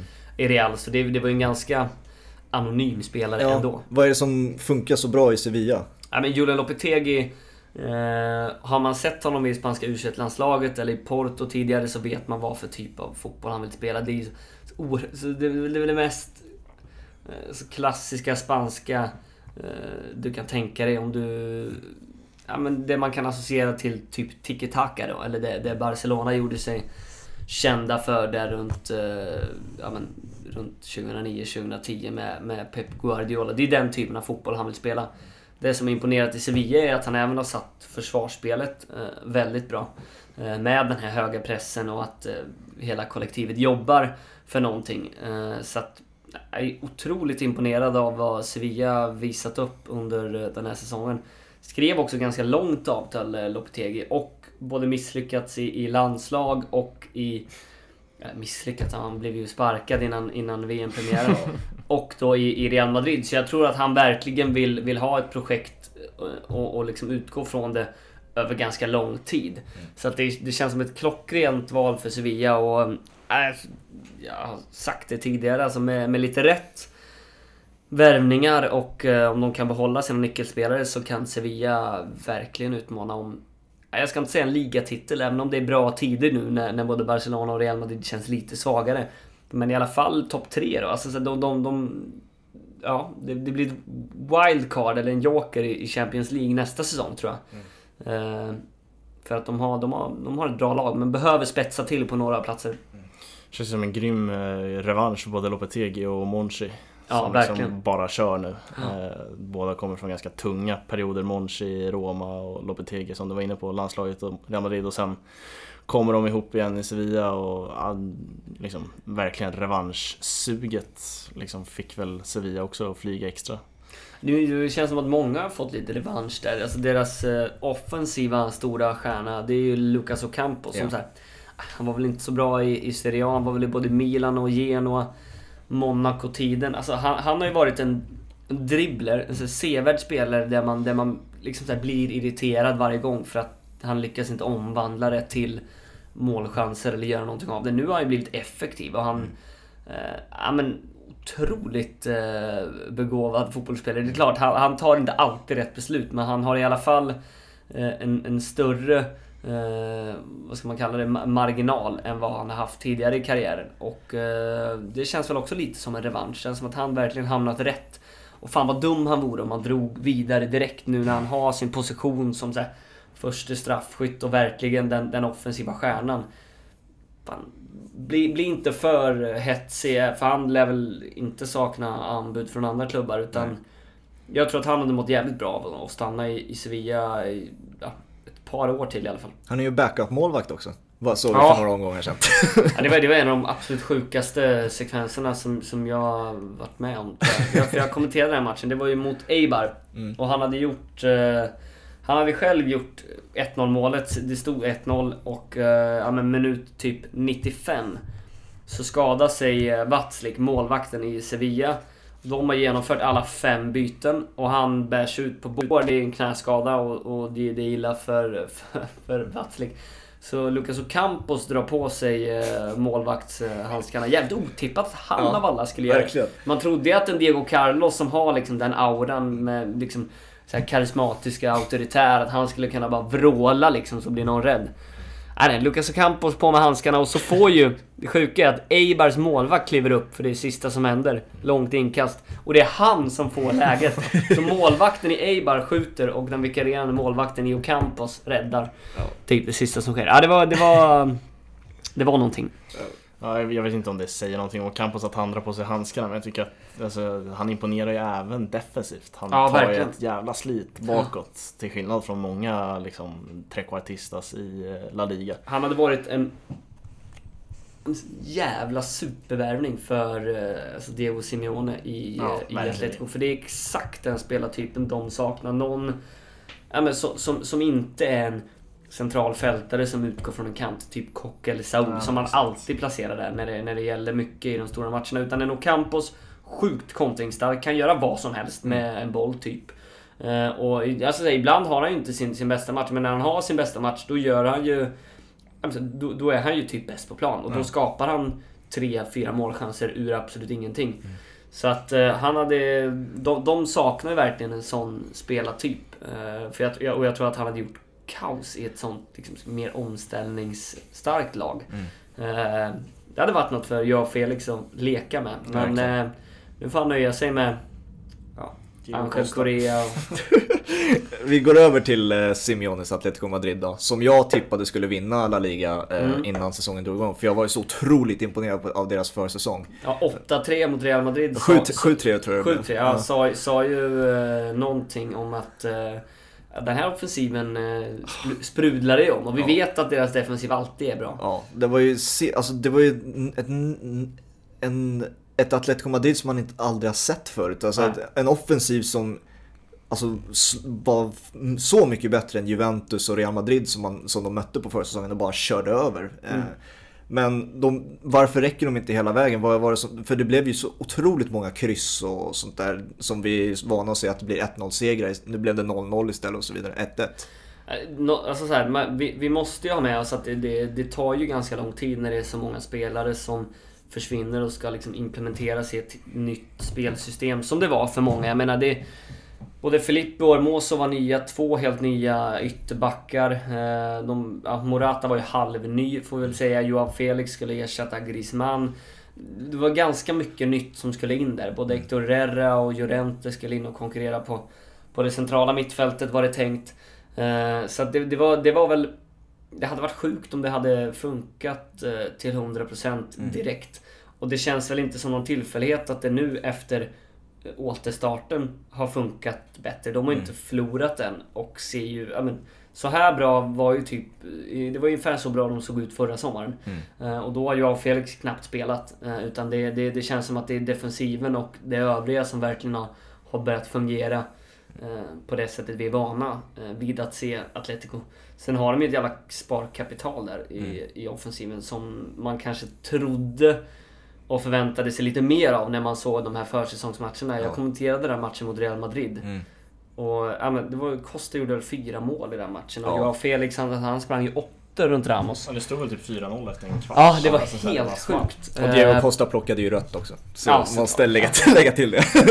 Verkligen match. Eh, ja, men det, det var... eh, Jag, jag, jag tror att det... Det gick lite för bra för dem i början och sen så kom en reality check och eh, de blev nedtagna på jorden lite. Men eh, det här kan ju fortfarande bli en kanonsäsong. Jag menar, de är kvar i Champions League, de möter Leipzig. Är lite favoriter. Mm. Sen är det Atalanta eller PSG i ett enkelmöte. Alltså, att Atletico spelar final är inte omöjligt. Nej. Och som de har sett ut nu jämfört med de andra lagen. Ja, alltså så här. Atalanta ser formstarkare ut, men Atalanta har aldrig riktigt varit i den sitsen förut. Är det något lag som känns som passar dem jävligt dåligt, då är det fan Atletico Madrid alltså. Så att... eh, Ja, vi får... eh, Vi får väl se. Det kan ju fortfarande bli en jävligt bra säsong. Ja, min känsla kring Atletico i Champions League är att de hade mått bättre av dubbelmöten. Eh, Kanske. Alltså att, Ja, att. Atalanta mår ju väldigt bra av att det är enkelmöten. Ja, för att det är ju känslan. liksom, det är känslan. på sin match så är det inga som slår Atalanta. Eh, liksom när de verkligen är som bäst. Eh, och då, nu behöver de ju vara det. Eh, liksom i tre matcher eller vad det blir. Eh, men liksom just de här dubbelmötena är ju Simeone otroligt stark i Mm. rent taktiskt. Att utmanövrera, ja till och med Klopp nu då. Eh, I år. Men det Eh, känns ju som två, liksom- två, två kryss eh, i kvartsfinal och semifinal och sen ett kryss i final och så vinna i förlängning. Ja, exakt. Det, det, det, är ju- det är fortfarande inget, ingen omöjlighet. De kan vinna Champions League utan att vinna en match egentligen. Ja, ja. Alltså, vad tro, hur länge blir Simeone kvar? Det är, ju, det är ju fortfarande en tränare man vill se, vi kommer ju till Zidane lite senare, det är ju samma sak där. Man vill ju se dem träna ett annat lag i en annan liga. För att verkligen se vad de går för i en annan miljö, i en annan kultur. Alltså, tror du han kommer försvinna från Atletico Madrid någonsin? Ja, absolut. Eh, Jag är förvånad att han har varit kvar så här länge. Eh, Det känns ju lite som att det är en utdöende, eller ett utdöende fenomen att, Ja. att tränare hänger i så länge. Mm. Eh, Han och Zidane, det är väl de som har varit längst nu i alla fall i Spanien. Som, annars så det, det, det är två, tre år max. Mm. Eh, Om vi, om vi blickar tillbaka på de som har haft verkligen så här eror som Marcelino eller Unai Emery. Även i de mindre lagen, det är svårt för ofta går det sämre något år och så får de kicken och så, så där är det lite mer frekvens på, eh, på, på, på tränarna. Men eh, jag, jag tror att det, just det här nya projektet då med de här nya unga spelarna. Det kan han inte riktigt lämna nu mitt i allt. Eh, och antingen så skulle han lämnat efter förra säsongen eller så får han väl löpa linan ut och köra i alla fall ett par år till här nu med det, det här nya, lite nya Atletico. Mm. Så att, eh, ja men ett par år till tror jag. Han Vilken- skrev ju nytt kontrakt och är världens klart bäst betald tränare så att det Han går, ingen nöd, det går ju ingen nöd, nöd på honom. Vilken klubb är det han hade passat bäst i? Alltså om man blickar ut över Han har, ju- Spanien. han har ju sagt att han någon gång ska träna Lazio. Lazio har ju, har ju... Lazio nu jämfört med 2011 är ju väldigt mycket längre fram. Så att Mm. jag, jag tror att han inte kommer välja liksom, klubben som erbjuder honom mest pengar. Utan Nej. nej. men ett projekt som han brinner för. Eller en klubb han tycker om. Så att Lazio är väl inte omöjligt. Han har varit i Inter också. Kanske inte helt omöjligt heller att han hamnar där. Men Serie A, jag tror att han tränar något lag i, Serie A Mm. eh, inom fem år. Från en eh, klubb som verkligen eh, fungerar då, till en klubb som är ja, lite, också lite kaosartad precis som Valencia. Det är ju Barcelona. Eh, jag vet inte riktigt var man ska börja när man ska summera deras säsong för den har varit så upp och ner och hit och dit. Jag vet inte, är det... Vad är det som har påverkat mest? Är det, det, är det kaoset eh, med de högsta hönsen i Barcelona? Det är det som har påverkat de här, det här kaoset mest? Ja, alltså... eh, Eller vad, vad, definiera kaoset? Eller vad, vad, vad menar Det du? är väl, pratas om ekonomiska kriser och att det är, det är dueller mellan Messi och Eric Abidal det och Bartomeu och det, är- det, det, det är någonting som skaver där. Mellan, speciellt, framförallt spelartruppen och eh, de ledande Bartomeu och Abidal. Det, är väl, det var väl det som också uppmärksammades runt där Corona också. Som, Mm. som verkligen man kände, okej nu det är verkligen problem i Barcelona. Någonting som man inte har känt att det har varit under, när man tittar på Luis Enrique och Pep Guardiola-tiderna. Det, det kändes som en förenad eh, klubb liksom. Ja, och det, det är väl verkligen så att eh, så här, när, när, när Laporta, och- alltså, så här, när Laporta var, var president, han gjorde ju många, många fel. Han hade inte så jävla bra koll på, på eh, klubbens ekonomi och så vidare. Men då var det en jävla harmoni där liksom, Mm. när han plockade in Ronaldinho. Och han, han, han var liksom mer en man av, av det katalanska folket så att säga. Eh, det är ju inte Bartomeu. Alltså, ha- han, han blev ju första gången inte vald. Utan då, då tog ju han över efter eh, Rosé. Eh, som, som, fick, som fick gå mitt i allt, eller avgick var det väl till och med. Eh, så att Bartomeu är ju egentligen ingen president som, som någon har velat ha där. Och eh, ingen president som jag tror spelartruppen har något eh, stort eh, förtroende för. Och det är hela klubbens strategi de senaste åren. Allt från värvningspolicy till att märkliga framgångsrika ungdomstränare har fått lämna, inte fått nya kontrakt. De har inte valt att satsa på eh, de unga ena produkterna likt de har gjort genom alla år egentligen. Eh, Det, det, det känns som att det, det, är något systemfel nästan i, i Barcelona. Och Messi har väl gått ut själv och eh, vi- via sina eh, förmedlare eh, blivit irriterad över att han på något sätt har fått bära hundhuvudet för det här. Eh, och att eh, många anser att han ja, men på, på något sätt styr vad som händer i klubben eller styr sp- spelartruppen på något sätt. Eh, jag tror att Messi är jävligt... Eh, han är ju rätt irriterad på hur saker och ting sköts i klubben. Eh, han vill bara spela fotboll, han vill bara vinna fotbollsmatcher och vinna titlar. Eh, men han inser att det hade kunnat eh, vara så mycket mer av den varan om det hade skötts ordentligt och han börjar väl tappa tålamodet lite. Sen tror jag inte att han kommer lämna Barcelona för den sakens skull. Men eh, det, det är mycket som, eh, mycket som händer eh, och det känns som att alla går och väntar lite på nytt ordförandeval nästa år och eh, vad folk ska ska presentera då i sina, sina liksom valkampanjer. Mm. Uh, just nu är väl Victor Font ett namn som i alla fall de flesta uh, Barcelona-supportrar hoppas ska ta över. Att han tar med sig Xavi. Och han vill ju liksom bevara det här Cruyff uh, implementerade spelet från 80 och 90-talet. Och ta med sig en Xavi och han har väl sagt att nej, till 70% ska truppen bestå av egenfostrade spelare. Sen ska vi bara krydda lite grann med eh, stora stjärnor. Och mm. sånt går ju hem hos eh, medlemmarna som ska välja ny president. Så att, mm. Eh, det känns som att Barcelona kan ha en till mellansäsong. Problemet är att Messi fyller ju, vad, vad är han, 34 nästa år. Mm.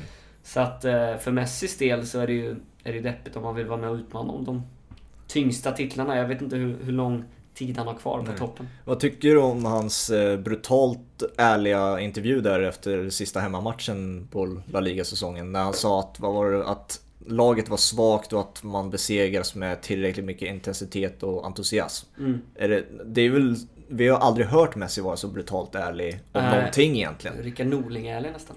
Exakt. Var... han, men det, det, säger någonting. Han, han tackar nästan alltid nej till intervjuer så länge han inte har gjort ett hattrick och två assist mm. typ i någon match. Så att eh, det tycker jag var bra. På något sätt ändå visa lite ledaregenskaper. Även om man på något sätt kritiserar så tror jag inte att han direkt kritiserar truppen utan snarare kritiserar eh, tränare och den sportsliga ledningen som har gett honom eh, de här lagkamraterna och den här truppen eh, att eh, arbeta med. Mm. Bra att han går ut och tar sitt ansvar. De torskar ju ändå den matchen också så att någon gång ska väl han som kapten ändå gå ut och, och tala till supportrarna och för sitt lag. Mm alltså när säsongen började var det ju Ernesto Valverde och sen blev det Kiki Satien. Um, Snyggt, du sätter uttalet. Det brukar ofta bli det franska laget. Ja, Set igen. Brukar, nej, vad ska jag säga? Ja, du kör ofta Sankt Etienne. Så säger jag. Sankt Etienne. Ja, så brukar jag säga. det blir fel.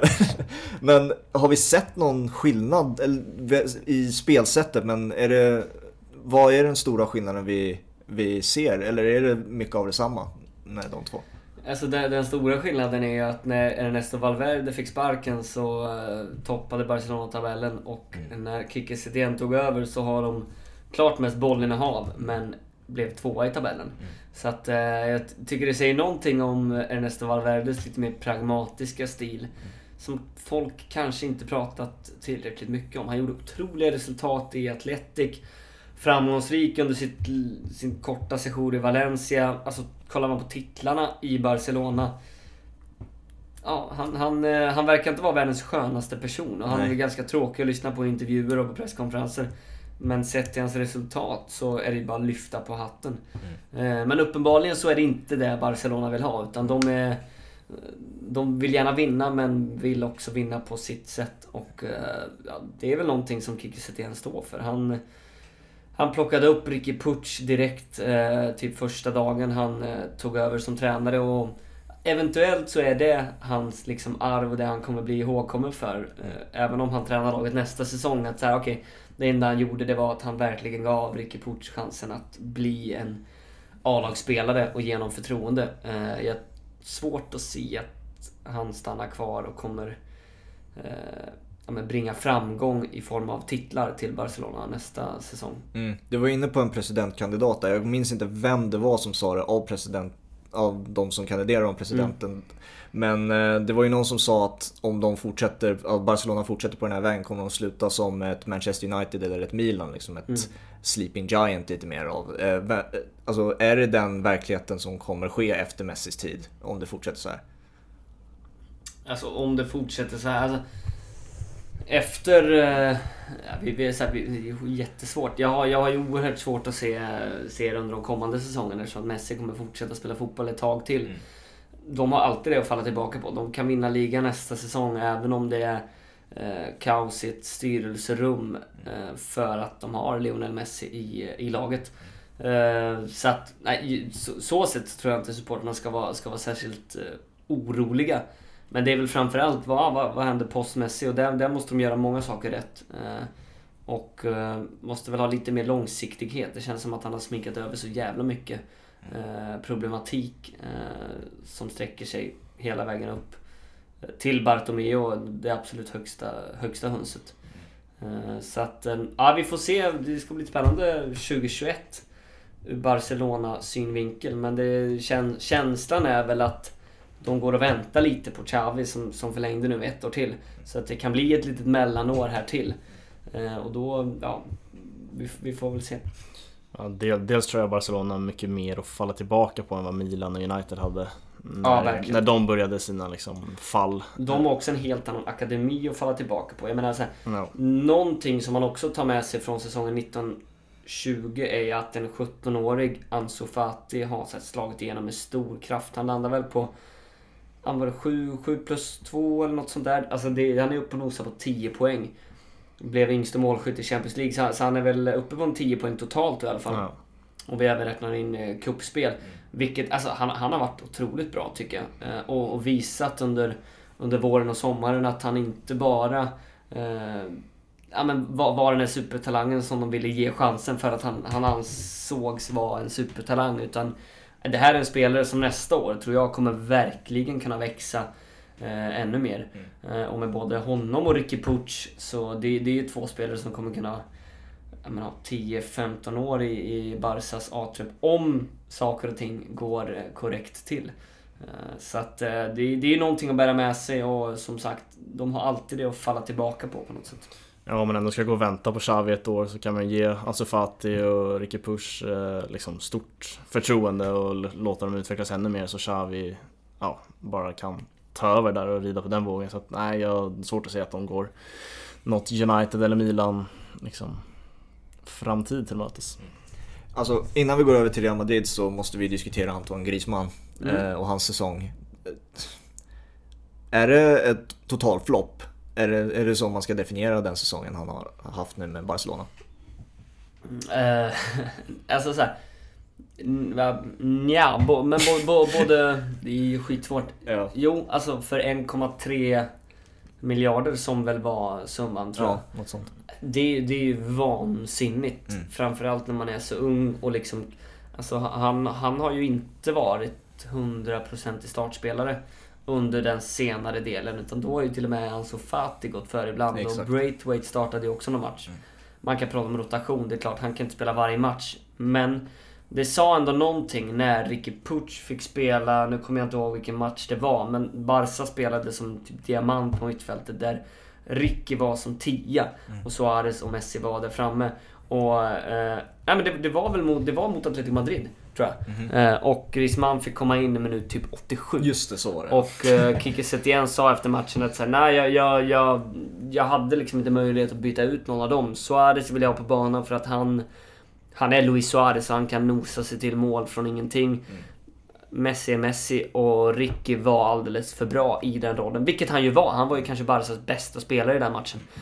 Så att så här, ja, han plockade in Griezmann med bara några minuter kvar. Det är klart, värvas från det laget och möter mm. för 1,3 miljarder, då ska man ju gå in och vara en väldigt bidragande spelare. Ja. Eh, för ett lag. Inte komma in sista två minuterna i en match som slutar oavgjort. Så att nej, det, det, det, det är klart att man måste definiera det som, som en flopp och ganska rejäl sådan. Men jag tycker ändå att han...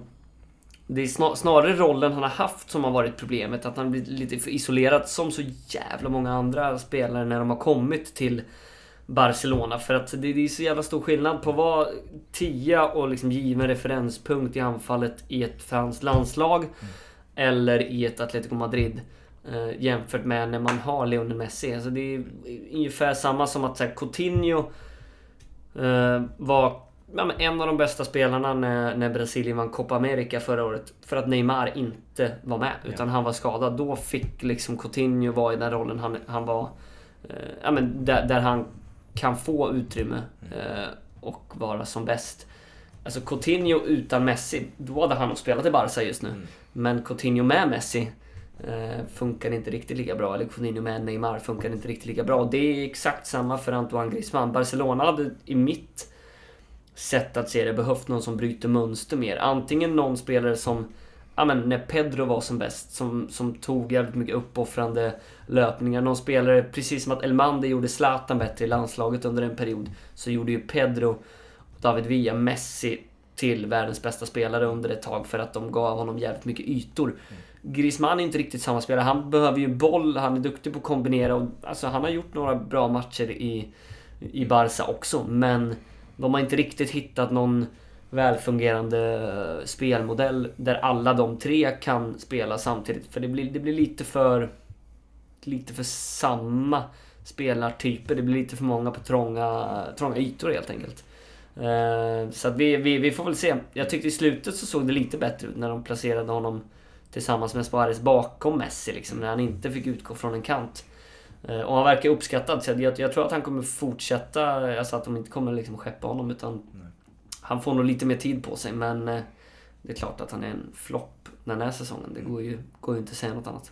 Jag tycker Barcelona har varit liksom chockerande dåliga på transfermarknaden. Man, Ja, alltså man, har, man har inte satt en värvning på hur många år som helst känns det som. Alltså från... Jag, så, jag såg någon statistik på det där. eh, Men från 2013 så, så, så var det någon som skrev så har Barcelona bara, bara lyckats med två värvningar. Mm. Och det är Luis Suarez, supervärvning, och Ivan Rakitic, också supervärvning. Ja. Eh, och förutom dem så har de ju alltså lagt så otroligt mycket pengar. Alltså astronomiska summor på liksom Ousmane Dembélé. Ska vi väl kanske inte döma ut än. Han kan ju komma tillbaka men vad fan, han har varit skadad konstant. Eh, och nu känns det nästan som att de börjar tappa tålamodet och kanske tittar på en eh, möjlig väg att eh, eh, få honom sålt här. Eh, sen är jag, jag, jag är dock helt säker på att han kommer, han kommer Får han bukt på skadorna kommer han vara ja, topp 10-spelare i världen Ja. inom ett par år. Han har, han har sån jävla... Han har någon... Liksom, när han har sin match så är han jävligt svår stoppad. Eh, men det är klart, han, han kan inte gå skadad fyra eh, femtedelar av en säsong. Eh, Även om Griezmann är kvar i klubben så har man ju fått otroligt, man har fått ut otroligt lite av Coutinho, Dembélé, Griezmann. precis, de tre är ju framförallt... Det är typ 3,5 miljarder Ja, svenska ja. kronor. Vilket är, ja. Men det, men det, är, det, är, det, är, det är även många andra konstiga som, som man nästan har ja, men glömt av nu. En värvning som var bra, även om han kom dyrt, det var väl Paulinho som kom in och tog den där Keita-rollen lite som Arturo Vidal har haft. Han gjorde en säsong där som var bra. Men det finns ju andra spelare, så här André Gomes kom för ganska dyra pengar. Mm. Umtiti var ju bra eh, under någon säsong, men nu verkar han lite snacka bort sig också. Efter knäskadan han hade så har han inte riktigt kommit tillbaka. Ja, Semedo har varit okej, men de har haft svårt att ersätta eh, Dani Alves. De la mycket pengar på Junior Firpo från Betis. Ja, alltså, har inte varit i närheten att konkurrera med, med, med Jordi Alba. Eh, det, är, det är väldigt många eh, värvningar de har gjort här under de senaste åren som, eh, som inte riktigt fått den ut, utväxlingen. Eh, så är det. Ska vi gå till mästarlaget då, Real Mm. Madrid. 34 ligatiteln blir det nu då. Varför är de bäst? Mm. Stabilaste laget eh, är väl den första grejen. Zidane... Det måste jag säga att jag har blivit imponerad av. Det, du sa det tidigare att det hade varit kul att se Zidane i en annan liga, i en annan miljö. Det han har, har visat nu tycker jag är att han har transformerat Real Madrid till ett lite mer cyniskt lag. Ett defensivt skickligt lag och ja, men ett lag som hellre vinner med 1-0 än 4-3. Han har liksom ingen målgaranti i Cristiano Ronaldo att falla tillbaka på. Benzema har gjort sina mål, men inte alls på samma, eh, eller i samma utsträckning som Ronaldo gjorde. Eh, och då har han liksom skruvat på det och tänkt att okej, då får vi vinna matchen på vår defensiv. Och det är jävligt tydligt. Ytterbackarna kliver inte upp lika, lika högt längre. Eh, de har Casemiro som ett jävla block på mitten och eh, ja, men den där trion med Courtois och Varane Ramos. Ja, men ligans bästa försvarstrio om vi kan ja, inkludera en målvakt då i en försvarstrio med dessutom Casemiro eh, där framför. Så att eh, defensiven är, ju- är absolut den stora nyckeln till att eh, Real Madrid vinner ligan. Där är någon som har tagit revansch, Courtois. Alltså om Verkligen. man kollar på hans första säsong, eller hela Real Madrid för, förra säsongen var ju katastrof på många sätt. Men Courtois framförallt har ju verkligen tagit revansch på sig själv. Alltså det var ju, många skrattade ju åt honom, alltså första säsongen. Men nu har han ju varit, kan man säga, världens bästa målvakt. Ja, äh, helt klart en av dem. Eh, och eh, visar ju också på pannben någonstans. Mm. Jag menar, han går också till... Han går till ett lag från en stad där han var så jävla älskad av Atletico. Vann ligan där och det var där han på något sätt blev en världsmålvakt. Så han, han pissar ju lite på den rödvitt-randiga delen av stan genom att gå till Real Madrid. Och då med det fiaskot, nej fiaskot, men han, han, hade, han hade svårt första, första säsongen. Då krävs det mental styrka för att resa sig och prestera på det här viset. Nej, det är otroligt. Alltså, han förtjänar ju all cred i världen.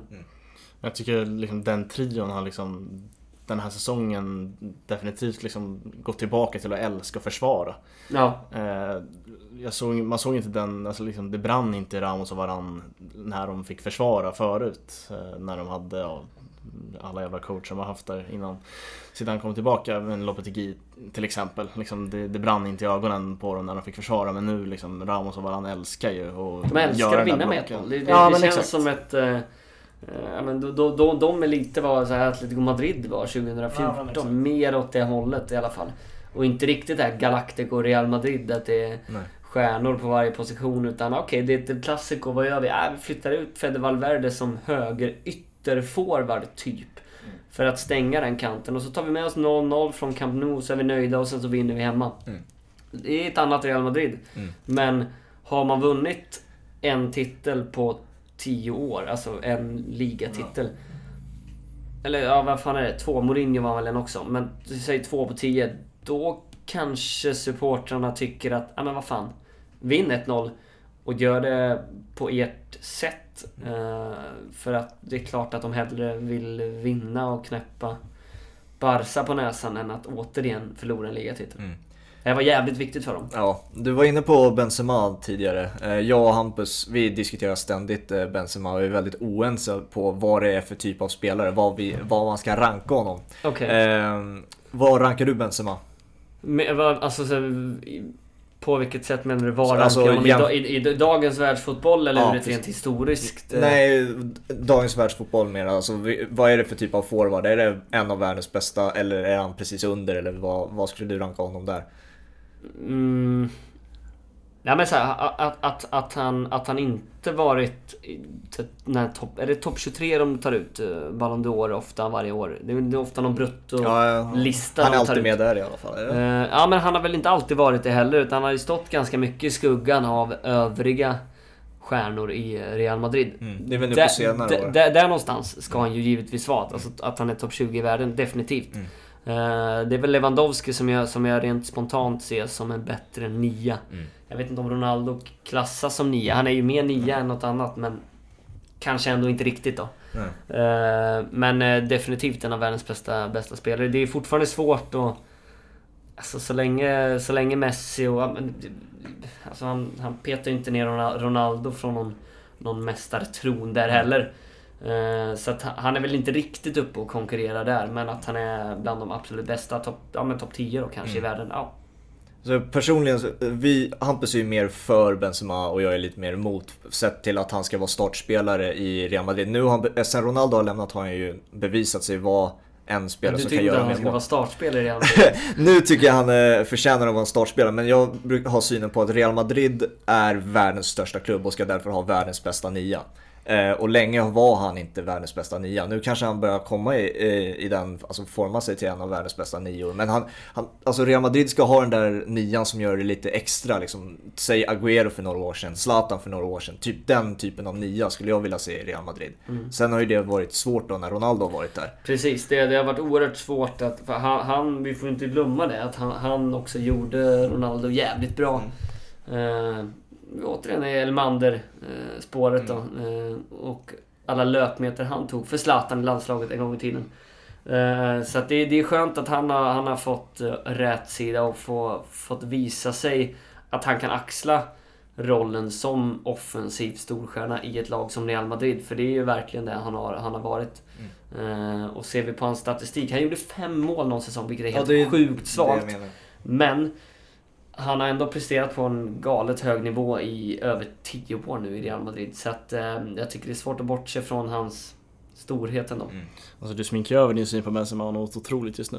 Nu är, nu är det ändå pratar om honom som en av världens bästa nio. Det har att du inte vill ha har- någon som startspelare i Real Madrid. Vad är det, Det- Luka Jovic du tänker Det är väl mer att förpassas till bänken Jag till var förmån för? Nej men du som jag var inne på, jag har varit imponerad av framförallt den här säsongen. Eh, tycker att han var lite upp och ner förra säsongen. Eh, men gjorde, han har ju växlat upp i alla fall målmässigt. Men det, det är lite det som jag är inne på. För att vara nia i världens, bäst, eller världens största klubb så tycker jag man ska ha det där lilla extra. Jag tycker inte Benzema har det på samma sätt som många andra forwards har haft genom åren.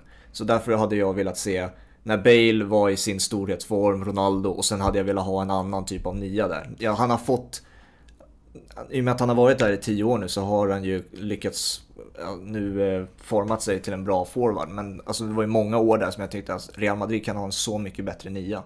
Eh, nu, nu, Ja. har han ju, nu har han ju utvecklats till en av de bättre niorna. Men det var ju tidigare rykten om när Aubameyang flög i Dortmund till exempel, då var det rykten om att han skulle till Real Madrid.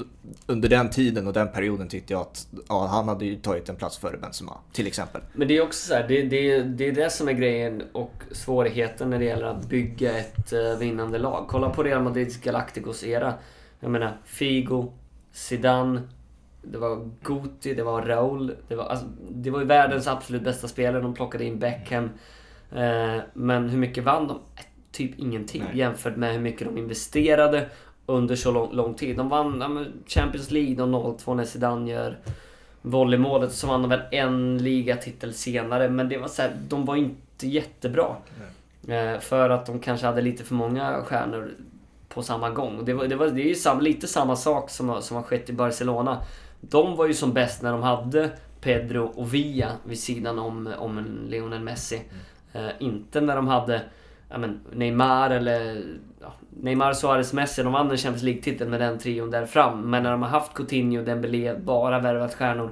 Det är svårt att få det att funka. Eh, och lite samma sak i Real Madrid. Det är inte säker på att Aubameyang hade gått in och petat Benzema.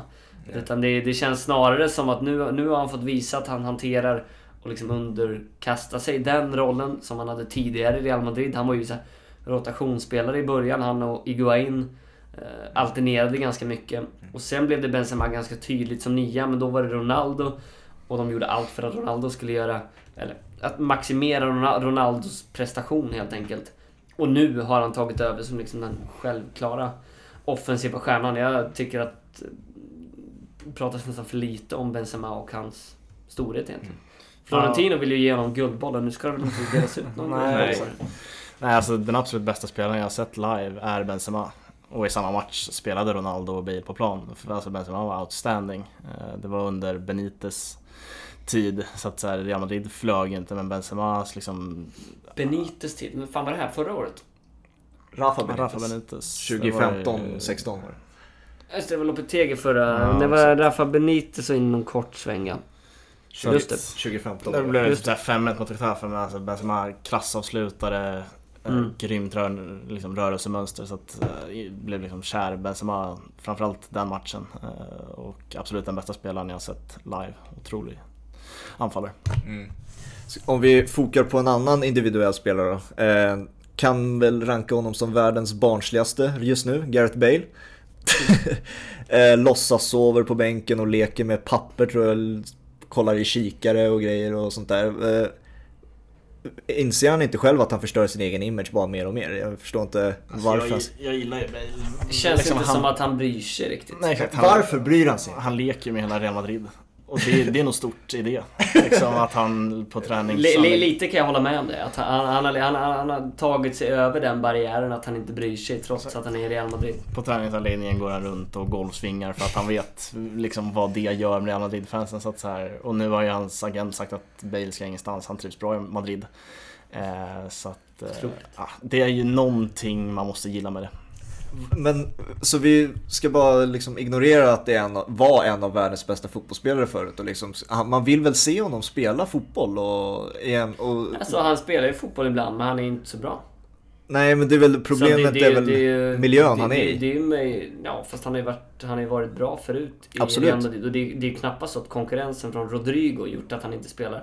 Utan är det någon gång han borde kunna spela varje match och kanske snarare vara bättre än någonsin, ja, då är det ju nu. Mm. Precis som förra säsongen då jag trodde att han skulle ta över som kanske nummer ett i Real Madrids Mm. offensiv. Ta lite fler frisparkar som han inte fick göra när Ronaldo var där. Mm. Så alltså, så här, bli, bli liksom en referenspunkt någonstans i, defensiv, i Mm. offensiven. Eh, han har ju inte gjort det. Eh, men det är klart, nytändning hade ju varit mäktigt att se. Mm.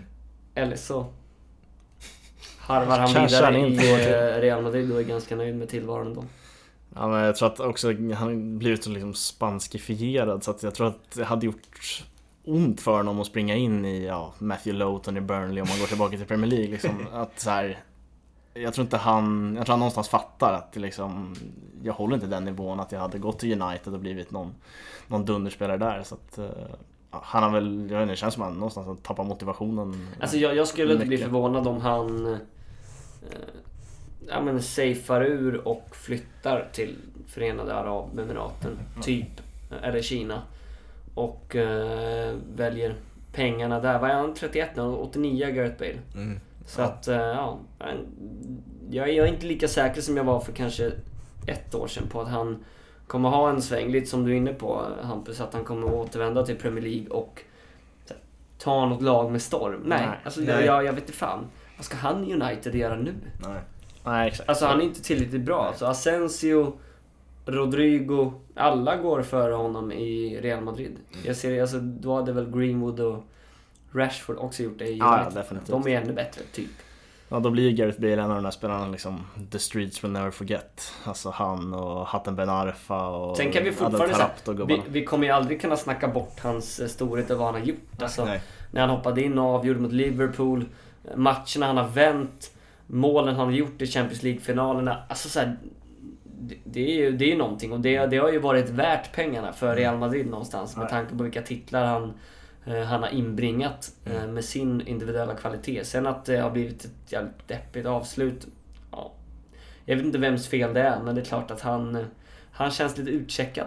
Ja, men då, alltså personligen hade jag ju bara velat att han försvinner från Real Madrid liksom. Mm. För att jag, alltså situationen är så extremt infekterad i Real Madrid. Så att även om han skulle få chansen eller inte så visst han kanske skulle göra något mål här och där. Men det är liksom, det skulle inte hjälpa hans situation någonting. Så ta en rejäl chans och testa någon annanstans i Europa. Eller bara försvinn i de här länderna och tjäna dina miljoner liksom. Det är lite den situationen jag har på Bale liksom. För jag tycker det, det, när man ser de här hur han låtsas sover på bänken då får man, då tänker jag tillbaka på hur bra han var. Och liksom, det är framförallt lite respektlöst mot fansen, det är väl det. Ja. Samt- Samtidigt, jag kan finna ironin i det. mm. Ja absolut, det är ju Alltså, kul också, på ett men, sätt. Men, men, men jag håller med om att det, att det Jag förstår fansens frustration i det hela och Mm. samtidigt så ja, han, han tjänar väl typ bäst i laget. Så att, Ja, det gör han. ehm, ja, det, är, väl- det är väl det som irriterar. Ja. Eh, vi går över till lite två på bollens eh, La Liga Awards. Eh, vi körde likadant med Kevin Baden och Bundesliga. Så Mm. vi har våra kategorier, vi har inte den här direkt nomineringar utan vi diskuterar vem som passar bäst för diverse kategorier. Då. Och vi börjar med årets överraskning. Och jag har två som poppar upp i mitt huvud. Det är Federico Valverde och Santi Cazorla. Båda talar ju lite för sig själv. Cazorla, som vi har varit inne på, otroligt förvånad över att han fortfarande håller den här nivån. Och Valverde, är ju, så, man såg ju kvaliteten redan förra säsongen men nu har han verkligen etablerat sig och varit en av La Ligas bästa innermittfältare när han väl har spelat. Ehm, så det är mina i alla fall. Vad är din Hampus? Ja, jag är ju liksom kär i Valverde. Eh, så han kanske ska ha den, försöka komma på om man har någon annan överraskning. Eh, sådär. Det är väl Ansu Fati kanske. Mm. Som kommer från ingenstans, visste inte vem killen var liksom. Och Nej, verkligen. verkligen. Så att nej, jag vet inte. Ingen, ingen egen nominering eh, till priset. Men Mm. Eh, jag antar att jag som Ja, ska svara. absolut. Ni, ni båda tittar på mig. Eh, nej men så här, en, om vi ska gå på lag så det är svårt att inte säga Granada som nykomling och ta en Europaplats. Det är ju sensationellt. Eh, men ska vi liksom individualisera och tänka spelare. Jag hade knappt hört talas om honom eh, när han värvades från Nantes inför säsongen. Men ja, jag tycker han har varit typ bästa mittbacken i ligan. Diego Carlos i Mm. Sevilla. Sån jävla pondus och han, det, det ser ut som att han... Så han ser ut lite som Ramos i sitt sätt att agera. Så jävla självklara. Han går in och han styr och ställer. Och som springer in i en vägg. Mm. Och han, han ser så jävla självklar ut i allt. Och eh, att han har levt någon anonym tillvaro i franska eh, ligafotbollen och helt plötsligt kommer till Sevilla och gör det här. Jag, jag förstår ingenting. Han, är, han har noll landskamper för Brasilien. Ja, det, det känns som en spelare som, spel, som lirar i ett men topp 10-lag eller topp 8-lag i Europa om max ett år. Och eh, spelar VM för Brasilien nästa VM. Det, det, det är min, så bra har han varit, det är Mm. min känsla. Så det... Ja, jag visste inte vem killen var innan. Så det var, det, för mig var det en jävla positiv eh, överraskning som, som jag tycker är värd att eh, hyllas och värd att hålla ögonen på inför eh, nästa säsong. Om man nu blir, oavsett vart han tar vägen eller om han är i Sevilla. Mm. Så Diego Carlos är en eh, försvarare att hålla koll på. Mm. Vem ska vi ge priset till då? Ja, det känns svårt. Många överraskning, överraskningar, men det är alltså Granada, det är svårt att bortse från den lagprestationen de, Mm. de står för. Ja, ska vi Så. kanske ge det till dem då? Granada. Ja. En sjunde plats. Vi ger det till dem. Eh, vi går över till årets flopp. Eh, jag har eh, som, som lag då Real Betis och Valencia. Jag kan väl även kasta in Griezmann då, för det var ju han som jag eh, nämnde som flopp tidigare. Så det är väl de jag tänker på i alla fall. Ja, fan du bollar ju upp tre stycken. Var det schysst om du med- En spelare som vi inte snackat någonting om som, som, som ja, men, definitivt en större flopp än Griezmann. Det är ju Eden Hazard som Ja, just knappt, knappt har Man tänker inte som, som knappt har spelat. Jag, jag tror att han har gjort tre eller fyra poäng. Eller Mm. ett mål, mål som styrdes in via en back och Ja. tre assist. Han har gjort några bra matcher. Jag kommenterade en match där Real Madrid var så jävla bra. Det var borta mot Eibar tror jag. Det blev 0-4 och då, då, ja, men då, de, de gjorde en liksom, fläckfri match. Och Eden Hazards första halvlek var... Ja, men det, det var som han, han ibland har. Chelsea när, när, han, när han har sin... Ja, precis. Chelsea Hazard. Eh, ibland, eller ganska ofta de senaste åren. eh, När han inte varit skadad. Eh, men det tar nästan slut där. Eh, inte riktigt. Vi är väldigt hårda, men... Vilken jävla flopp det har varit ändå. Han, han skulle gå in och liksom äntligen, till skillnad från förra säsongen, så skulle de ju nu få en ersättare till Ronaldo. Inte i form av mål, men den spelaren som skulle liksom... Den vänsterforwarden som skulle ja, men bli liksom Benzemas lekkamrat på något sätt. Eh, Så har det ju inte riktigt eh, blivit. Nej. Det kanske också gör att Benzema ska hyllas ännu mer. Att han, Mm. fan, Asensio långtidsskadad, Hazard skadad eller ganska dålig. Mm. Helt sjukt att han har burit den offensiven som han har gjort eh, med, med tanke på det. Så Ja, att, eh, det är en flopp i alla fall. Såg någon statistik med Benzema att ingen annan Real Madrid-forward har gjort mer än tre mål tror jag. Nej, Eh, nej de, det, de går och vinner ligan. Ja, det är sjukt. Eh, Men nej, Hazard är väl årets lopp för mig också. Mm. Eh, Också med tanke på den, alltså, någonstans får man säga att det är nonchalant att vara i den formen när säsongen började. Han liksom var ju ja, Adriano-fet nästan. Ja. Eh, det är väldigt märkligt faktiskt. Ja. Och då, då gör, det ger ju också att man skrattar åt att han skadar sig oftare. Jag Ja. menar, Cristiano Ronaldo håller sig i shape och är typ 100 år nu. Men han skadar sig aldrig och det har ju inte bara att göra med liksom klubbens läkare utan det har ju framförallt att göra med att han har så jävla bra koll och är så väl, väl disciplinerad själv. Han slog väl... eh, Det är så jävla märkligt när man, när man är så här, han, han skulle ju pikat nu eller kanske nästa säsong i den här Ja. Hazard. Att han inte... Jag tycker det är helt sjukt att han inte... Han får sitt drömkontrakt liksom. Ja. Det är Real Madrid. Nej. Han har pratat om det i så många år Ja, också. ja. att jag ska Alla har vetat Madrid. det. Ja. Ja. Så, men jag är, tror ju fortfarande på, jag vet inte om med er, men jag tror ju Hazard fortfarande kommer vända på det här. Han är, han är väldigt självkritisk också i Ja, intervjuer. man men jag, jag, jag tror att han har... Det, eftersom han, att han inte har spelat så mycket eh, så det är klart att han har, han har en till nivå i sig. Sen får vi väl se om han når upp i de, de höjderna att han ja, men kan, ta nästa steg. Svårt att se att han ska, att han ska bli ännu bättre än vad han var i, i Chelsea. Men eh, ja, det, vore, det vore kul om han eh, ja, lyckades vända det till något, något positivt. Så att han inte bara blev en ja, men, spelaren som kom till Real Madrid och, och, och aldrig, all, ja, men så aldrig riktigt, eh, aldrig riktigt eh, var en bärande spelare när, när Real Madrid gick bra. Eh, för det kan man ju, om vi återigen återknyter då till, till Gareth Bale, hur man än vänder och vrider på det.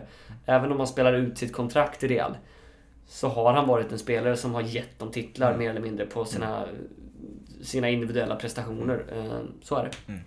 Ja, sen tycker jag inte någon av vänsteryttrarna egentligen tagit chansen. De är väldigt unga, Rodrigo och Vinicius Junior, Mm. men det är inte så att man känner att eh, alltså kommer, till, kommer Hazard tillbaka i bra form så är det ju Hazard som Ja, ja. är självklart första val. Även kasta in dem med, med, eh, med flopp att all, alla tre storlag och deras stjärnvärvningar har ju inte presterat.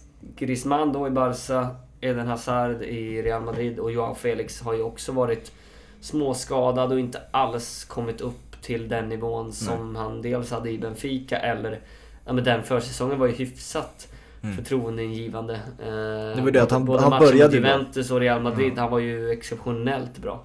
Så att eh, alla de tre får man ju säga flopp-stämpel på. Mm.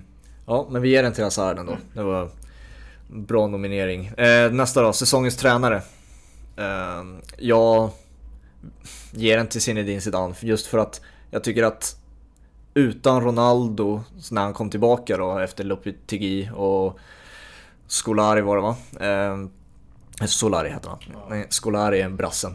Eh, alltså det, det, är ett an, det är en annan typ av jobb känns det som utan Ronaldo. Eh, och vi har varit inne på det, du var inne på det eh, Hampus med målen utöver Benzema. Det är ju liksom Ramos på straffar och något på huvudet. Det, sen finns det inga mål men ändå lyckas han vinna eh, La Liga. Det är ju det som är så otroligt imponerande. Sen finns det ju såklart tränare med så mycket mindre resurser som gör det otroligt bra också. De ska ju ha sin nominering också men eh, Zidane har ju imponerat på, av andra anledningar än bara jobba med små resurser helt enkelt. Ja, det är trist att nominera en tränare man inte kan namnet på, men eh, Gran- Granadas tränare ska, väl- ska väl med i diskussionen. Ja, Diego Martinez heter han. Han är också väldigt ung och eh, det här måste bli hans första säsong nu i La Liga. Så det, det, är ju, det är ju sjukt spännande. Eh, så eh, det är väl ett namn man får kasta in. Lite tråkigt namn kanske. Det är väldigt, eh, väldigt lätt att glömma bort Diego Martinez. Eh, Eftersom det är så väldigt spanskt. Men eh, han är väl också ett namn tillsammans med Getafes Pepe Bordalas som som ska med där in i högen bland tränare som de större klubbarna kommer försöka norpa här framöver. Nej, Jag, jag håller med, det, det, ska man nämna två så är det väl de, de två som ska nämnas. Eh, det som gör att tala för Zidane är väl just ja, med lite skador och att, och att han, han lyckas eh, skapa någonting nytt eh, i Real Madrid. Att det är det som är imponerande. Tar ju dock inte lika många poäng, så är det någon säsong man ändå kan vinna ligan så är det väl nu. För både Mm. Atletico och Barca har ju tagit färre poäng än vad de gjort tidigare. Mm. Typ fyra, fem säsonger. Men det är klart, Granada ska ju också ha... Ja, det är det är sjukt imponerande. Det är, det är mer skrällartat att de tar en Europaplats än att Real Madrid vinner ligan någonstans. Så då får du utslag, utslagsrösten då. då vänder Nej, men jag, jag, skrev, jag skrev själv om att, eh, om att det, jag har svårt att inte ge Diego Martinez årets tränarstämpel. Även om jag tycker att Zidane också är värd den. Eh, så att eh, Zidane kan väl få 25% då. Alltså, Exakt. man får kapa en liten del av foten på statyetten. Ja. Vi avslutar med säsongens bästa spelare och jag har eh, Sergio Ramos. Av nästan lite samma anledning som Zidane. Med att de har, ha- det är ett nytt Real Madrid på många sätt och det är som du var inne på Adam att det är, det är ett Real Madrid som kan, för, alltså är bekväm med att försvara sig till ligatiteln och det är ju precis det man har gjort och sen hans otroliga målfacit, även fast det är mycket straffar, är ändå väldigt imponerande. Eh, och det, det är en annan typ av Ramos nu för han plockar ju inte röda kort längre. Hur många... Han har tagit några... några Den här säsongen? Ja, det har han nog gjort. Tror jag. Vi kan kolla, vi kan kolla upp det. Ja, det... det Han tar alltid något rätt. Jag vet inte, av någon anledning så, tror, så känns det som att det var typ en och en halv eller två säsonger sedan han plockade rött. Men jag kanske har fel när jag säger det. Vi ska se här. Sen tycker jag också att Ramos har klivit fram som en jävla ledare den här säsongen. Ja. Alltså han, han tar de där straffarna. Eh, De ska ändå slås in. Kolla bara på typ Isak Kiese i Malmö. Missar ju 75% av sina straffar. Så de ska ändå slås in där. Eh, han har liksom dragit in några frisparkar, eh, gjort, sina, gjort sina nickmål. Eh, Messi har också imponerande statistik men jag tycker ändå Ramos den här säsongen är bättre och betyder mer för sitt lag framförallt. Uh, det inget rött, rött i ligan, 10 gula, men ett rött i CL i alla fall. Men det var, Okej. det var nog då han som... Eller kanske var förra året, han slog, han slog ju något, något rött kort-rekord där. Ja, exakt. Eh, ja. Uh, årets spelare. Ja. Alltså så här, ja, det, det är ju... Det är lätt att tänka kortsiktigt liksom. Jag, jag, jag hade den här diskussionen på, på Twitter häromdagen när vi skulle utse säsongens lag. Eh, och egentligen så hade jag velat peta in Varann före Ramos för att jag tycker att han har varit försvarsmässigt bättre. Mm. Och i höstas så var Ramos lite svajig. Men det är, det är svårt att inte ha med Ramos för att hans eh, alltså, form sen återstarten har varit helt eh, exceptionell. Jag tycker att han har varit eh, kanske den bästa spelaren sen dess. Eh, och det är klart, det, det är väl kul att peka på någon Real Madrid-spelare som ändå vinner ligan. Ska jag bolla upp ett namn som också jag tycker förtjänar MVP-omnämnande så är det väl Casemiro som är... Mm. Framförallt när han inte är med så tycker jag att det är så jävla tydligt att Real Madrid saknar någon. Eh, och han har till och med börjat göra en del viktiga mål när det, när det som mest behövs eftersom att de bara har en som gör mål. Mm. Förutom, ja det är två då, Ramos gör en del mål också. Eh, men, eh, ja det är klart, Messi är väl det givna, gi- givna alternativet annars. Eh, men bollar upp Casemiro som en jävla MVP. Alltså jag tror att... Jag tror att Real Madrid hade haft svårt att vinna på det här sättet utan honom. Det hade de utan Ramos också, men... eh, De har ingen ersättare till honom. De har inte den spelartypen i, i Real Madrid. Och det är en jävla underskattad eh, spelare. Ja, vi har ju snackat mycket om MVP i liksom Premier League med Jordan Henderson som har fått Mm. liksom, nomineringar till ja, bästa spelare. Eh, vilket så här, ja, jag hade inte haft något emot det med att jag hejar på Liverpool. Eh, sen fattar jag att han inte är den bästa spelaren men just så här, utan Jordan Henderson så är inte Liverpool samma Liverpool. Eh, och det är väl lite samma med Casemiro. Att det, det blir inte samma... samma Nej grej. men det, precis, det är ju skitsvårt eftersom att de har, de har så olika roller och, och Ramos, eh, folk hade inte eh, sagt Ramos om han inte hade gjort alla straffmål. Alltså det är fakta för att det, Mm. det blir enklare att peka på att han hade gjort en del mål också. Ja. Nu har han ju gjort så många mål. Han drog in en frispark också som var helt sjuk här eh, för några veckor sedan. Men han har gjort så många mål här på slutet som har blivit så viktiga och straffar ska ju också slås in. Ja. Men, eh, ja, men det, det är klart att Lionel Messi är den bästa fotbollsspelaren i ligan, men Ibland kan man ju peka på någon annan som MVP någonstans. Eh, För det är väl ändå där det, där det ska vara. Kanske inte bara alltid peka på vem som är Nej. bäst. Ja, det säger väl någonting om liksom, årets Real Madrid, att man hamnar i, Precis. i de defensiva leden när man snackar Ja. om de bästa spelarna. Så vem ger, ger vi den till då? Ja men det blir väl Sergio Ramos. Ja. Eh, De ledaregenskaperna också han har visat upp. Vi avslutar där helt enkelt. Mm. Det var en bra genomgång av La Liga. Ehm, Ja, jävla matigt. Ja, vi höll på ett tag. Ehm, jättekul att du ville vara med Adam. Ehm, får gärna gästa igen när vi pratar La Liga nästa gång. Ehm, när det nu är. Men eh, vi har ju en Champions League med spanska lag kvar att spela och eh, sen så börjar väl säsongen. När är det nästa La Liga som börjar? tror att eh, det är sagt den helgen 11-12 september att det är då det ska dra igång. Så det är väl tre, tre veckor framskjutet typ. Ja, det är ju det är ganska snart kan man Ja, säga. ja verkligen. Ja, det, det, det, det kommer inte bli så mycket, mycket uppehåll från fotboll utan nu är Champions League augusti här och sen Vissa lag ska väl kvala till, till Europa antar Ja. jag i, i augusti. så det rullar ju Så det, det, är ju, det är ju knappt, det är de, de lagen som placerar sig här plats 7 till 18 eller 17 då. De har ju ganska soft nu. Ja. Kan checka ut och få lite semester. Annars är det ju pang på direkt. Ja. Eh, du kan ju berätta för alla som lyssnar var vi kan hitta dig på sociala medier och så. Eh, ja men, ja, ett uh, Pintorp då, mitt efternamn. Eh, ja. ja. Eh, det är lite klurig stavning men de som, de som vill hitta, hittar nog. Mm.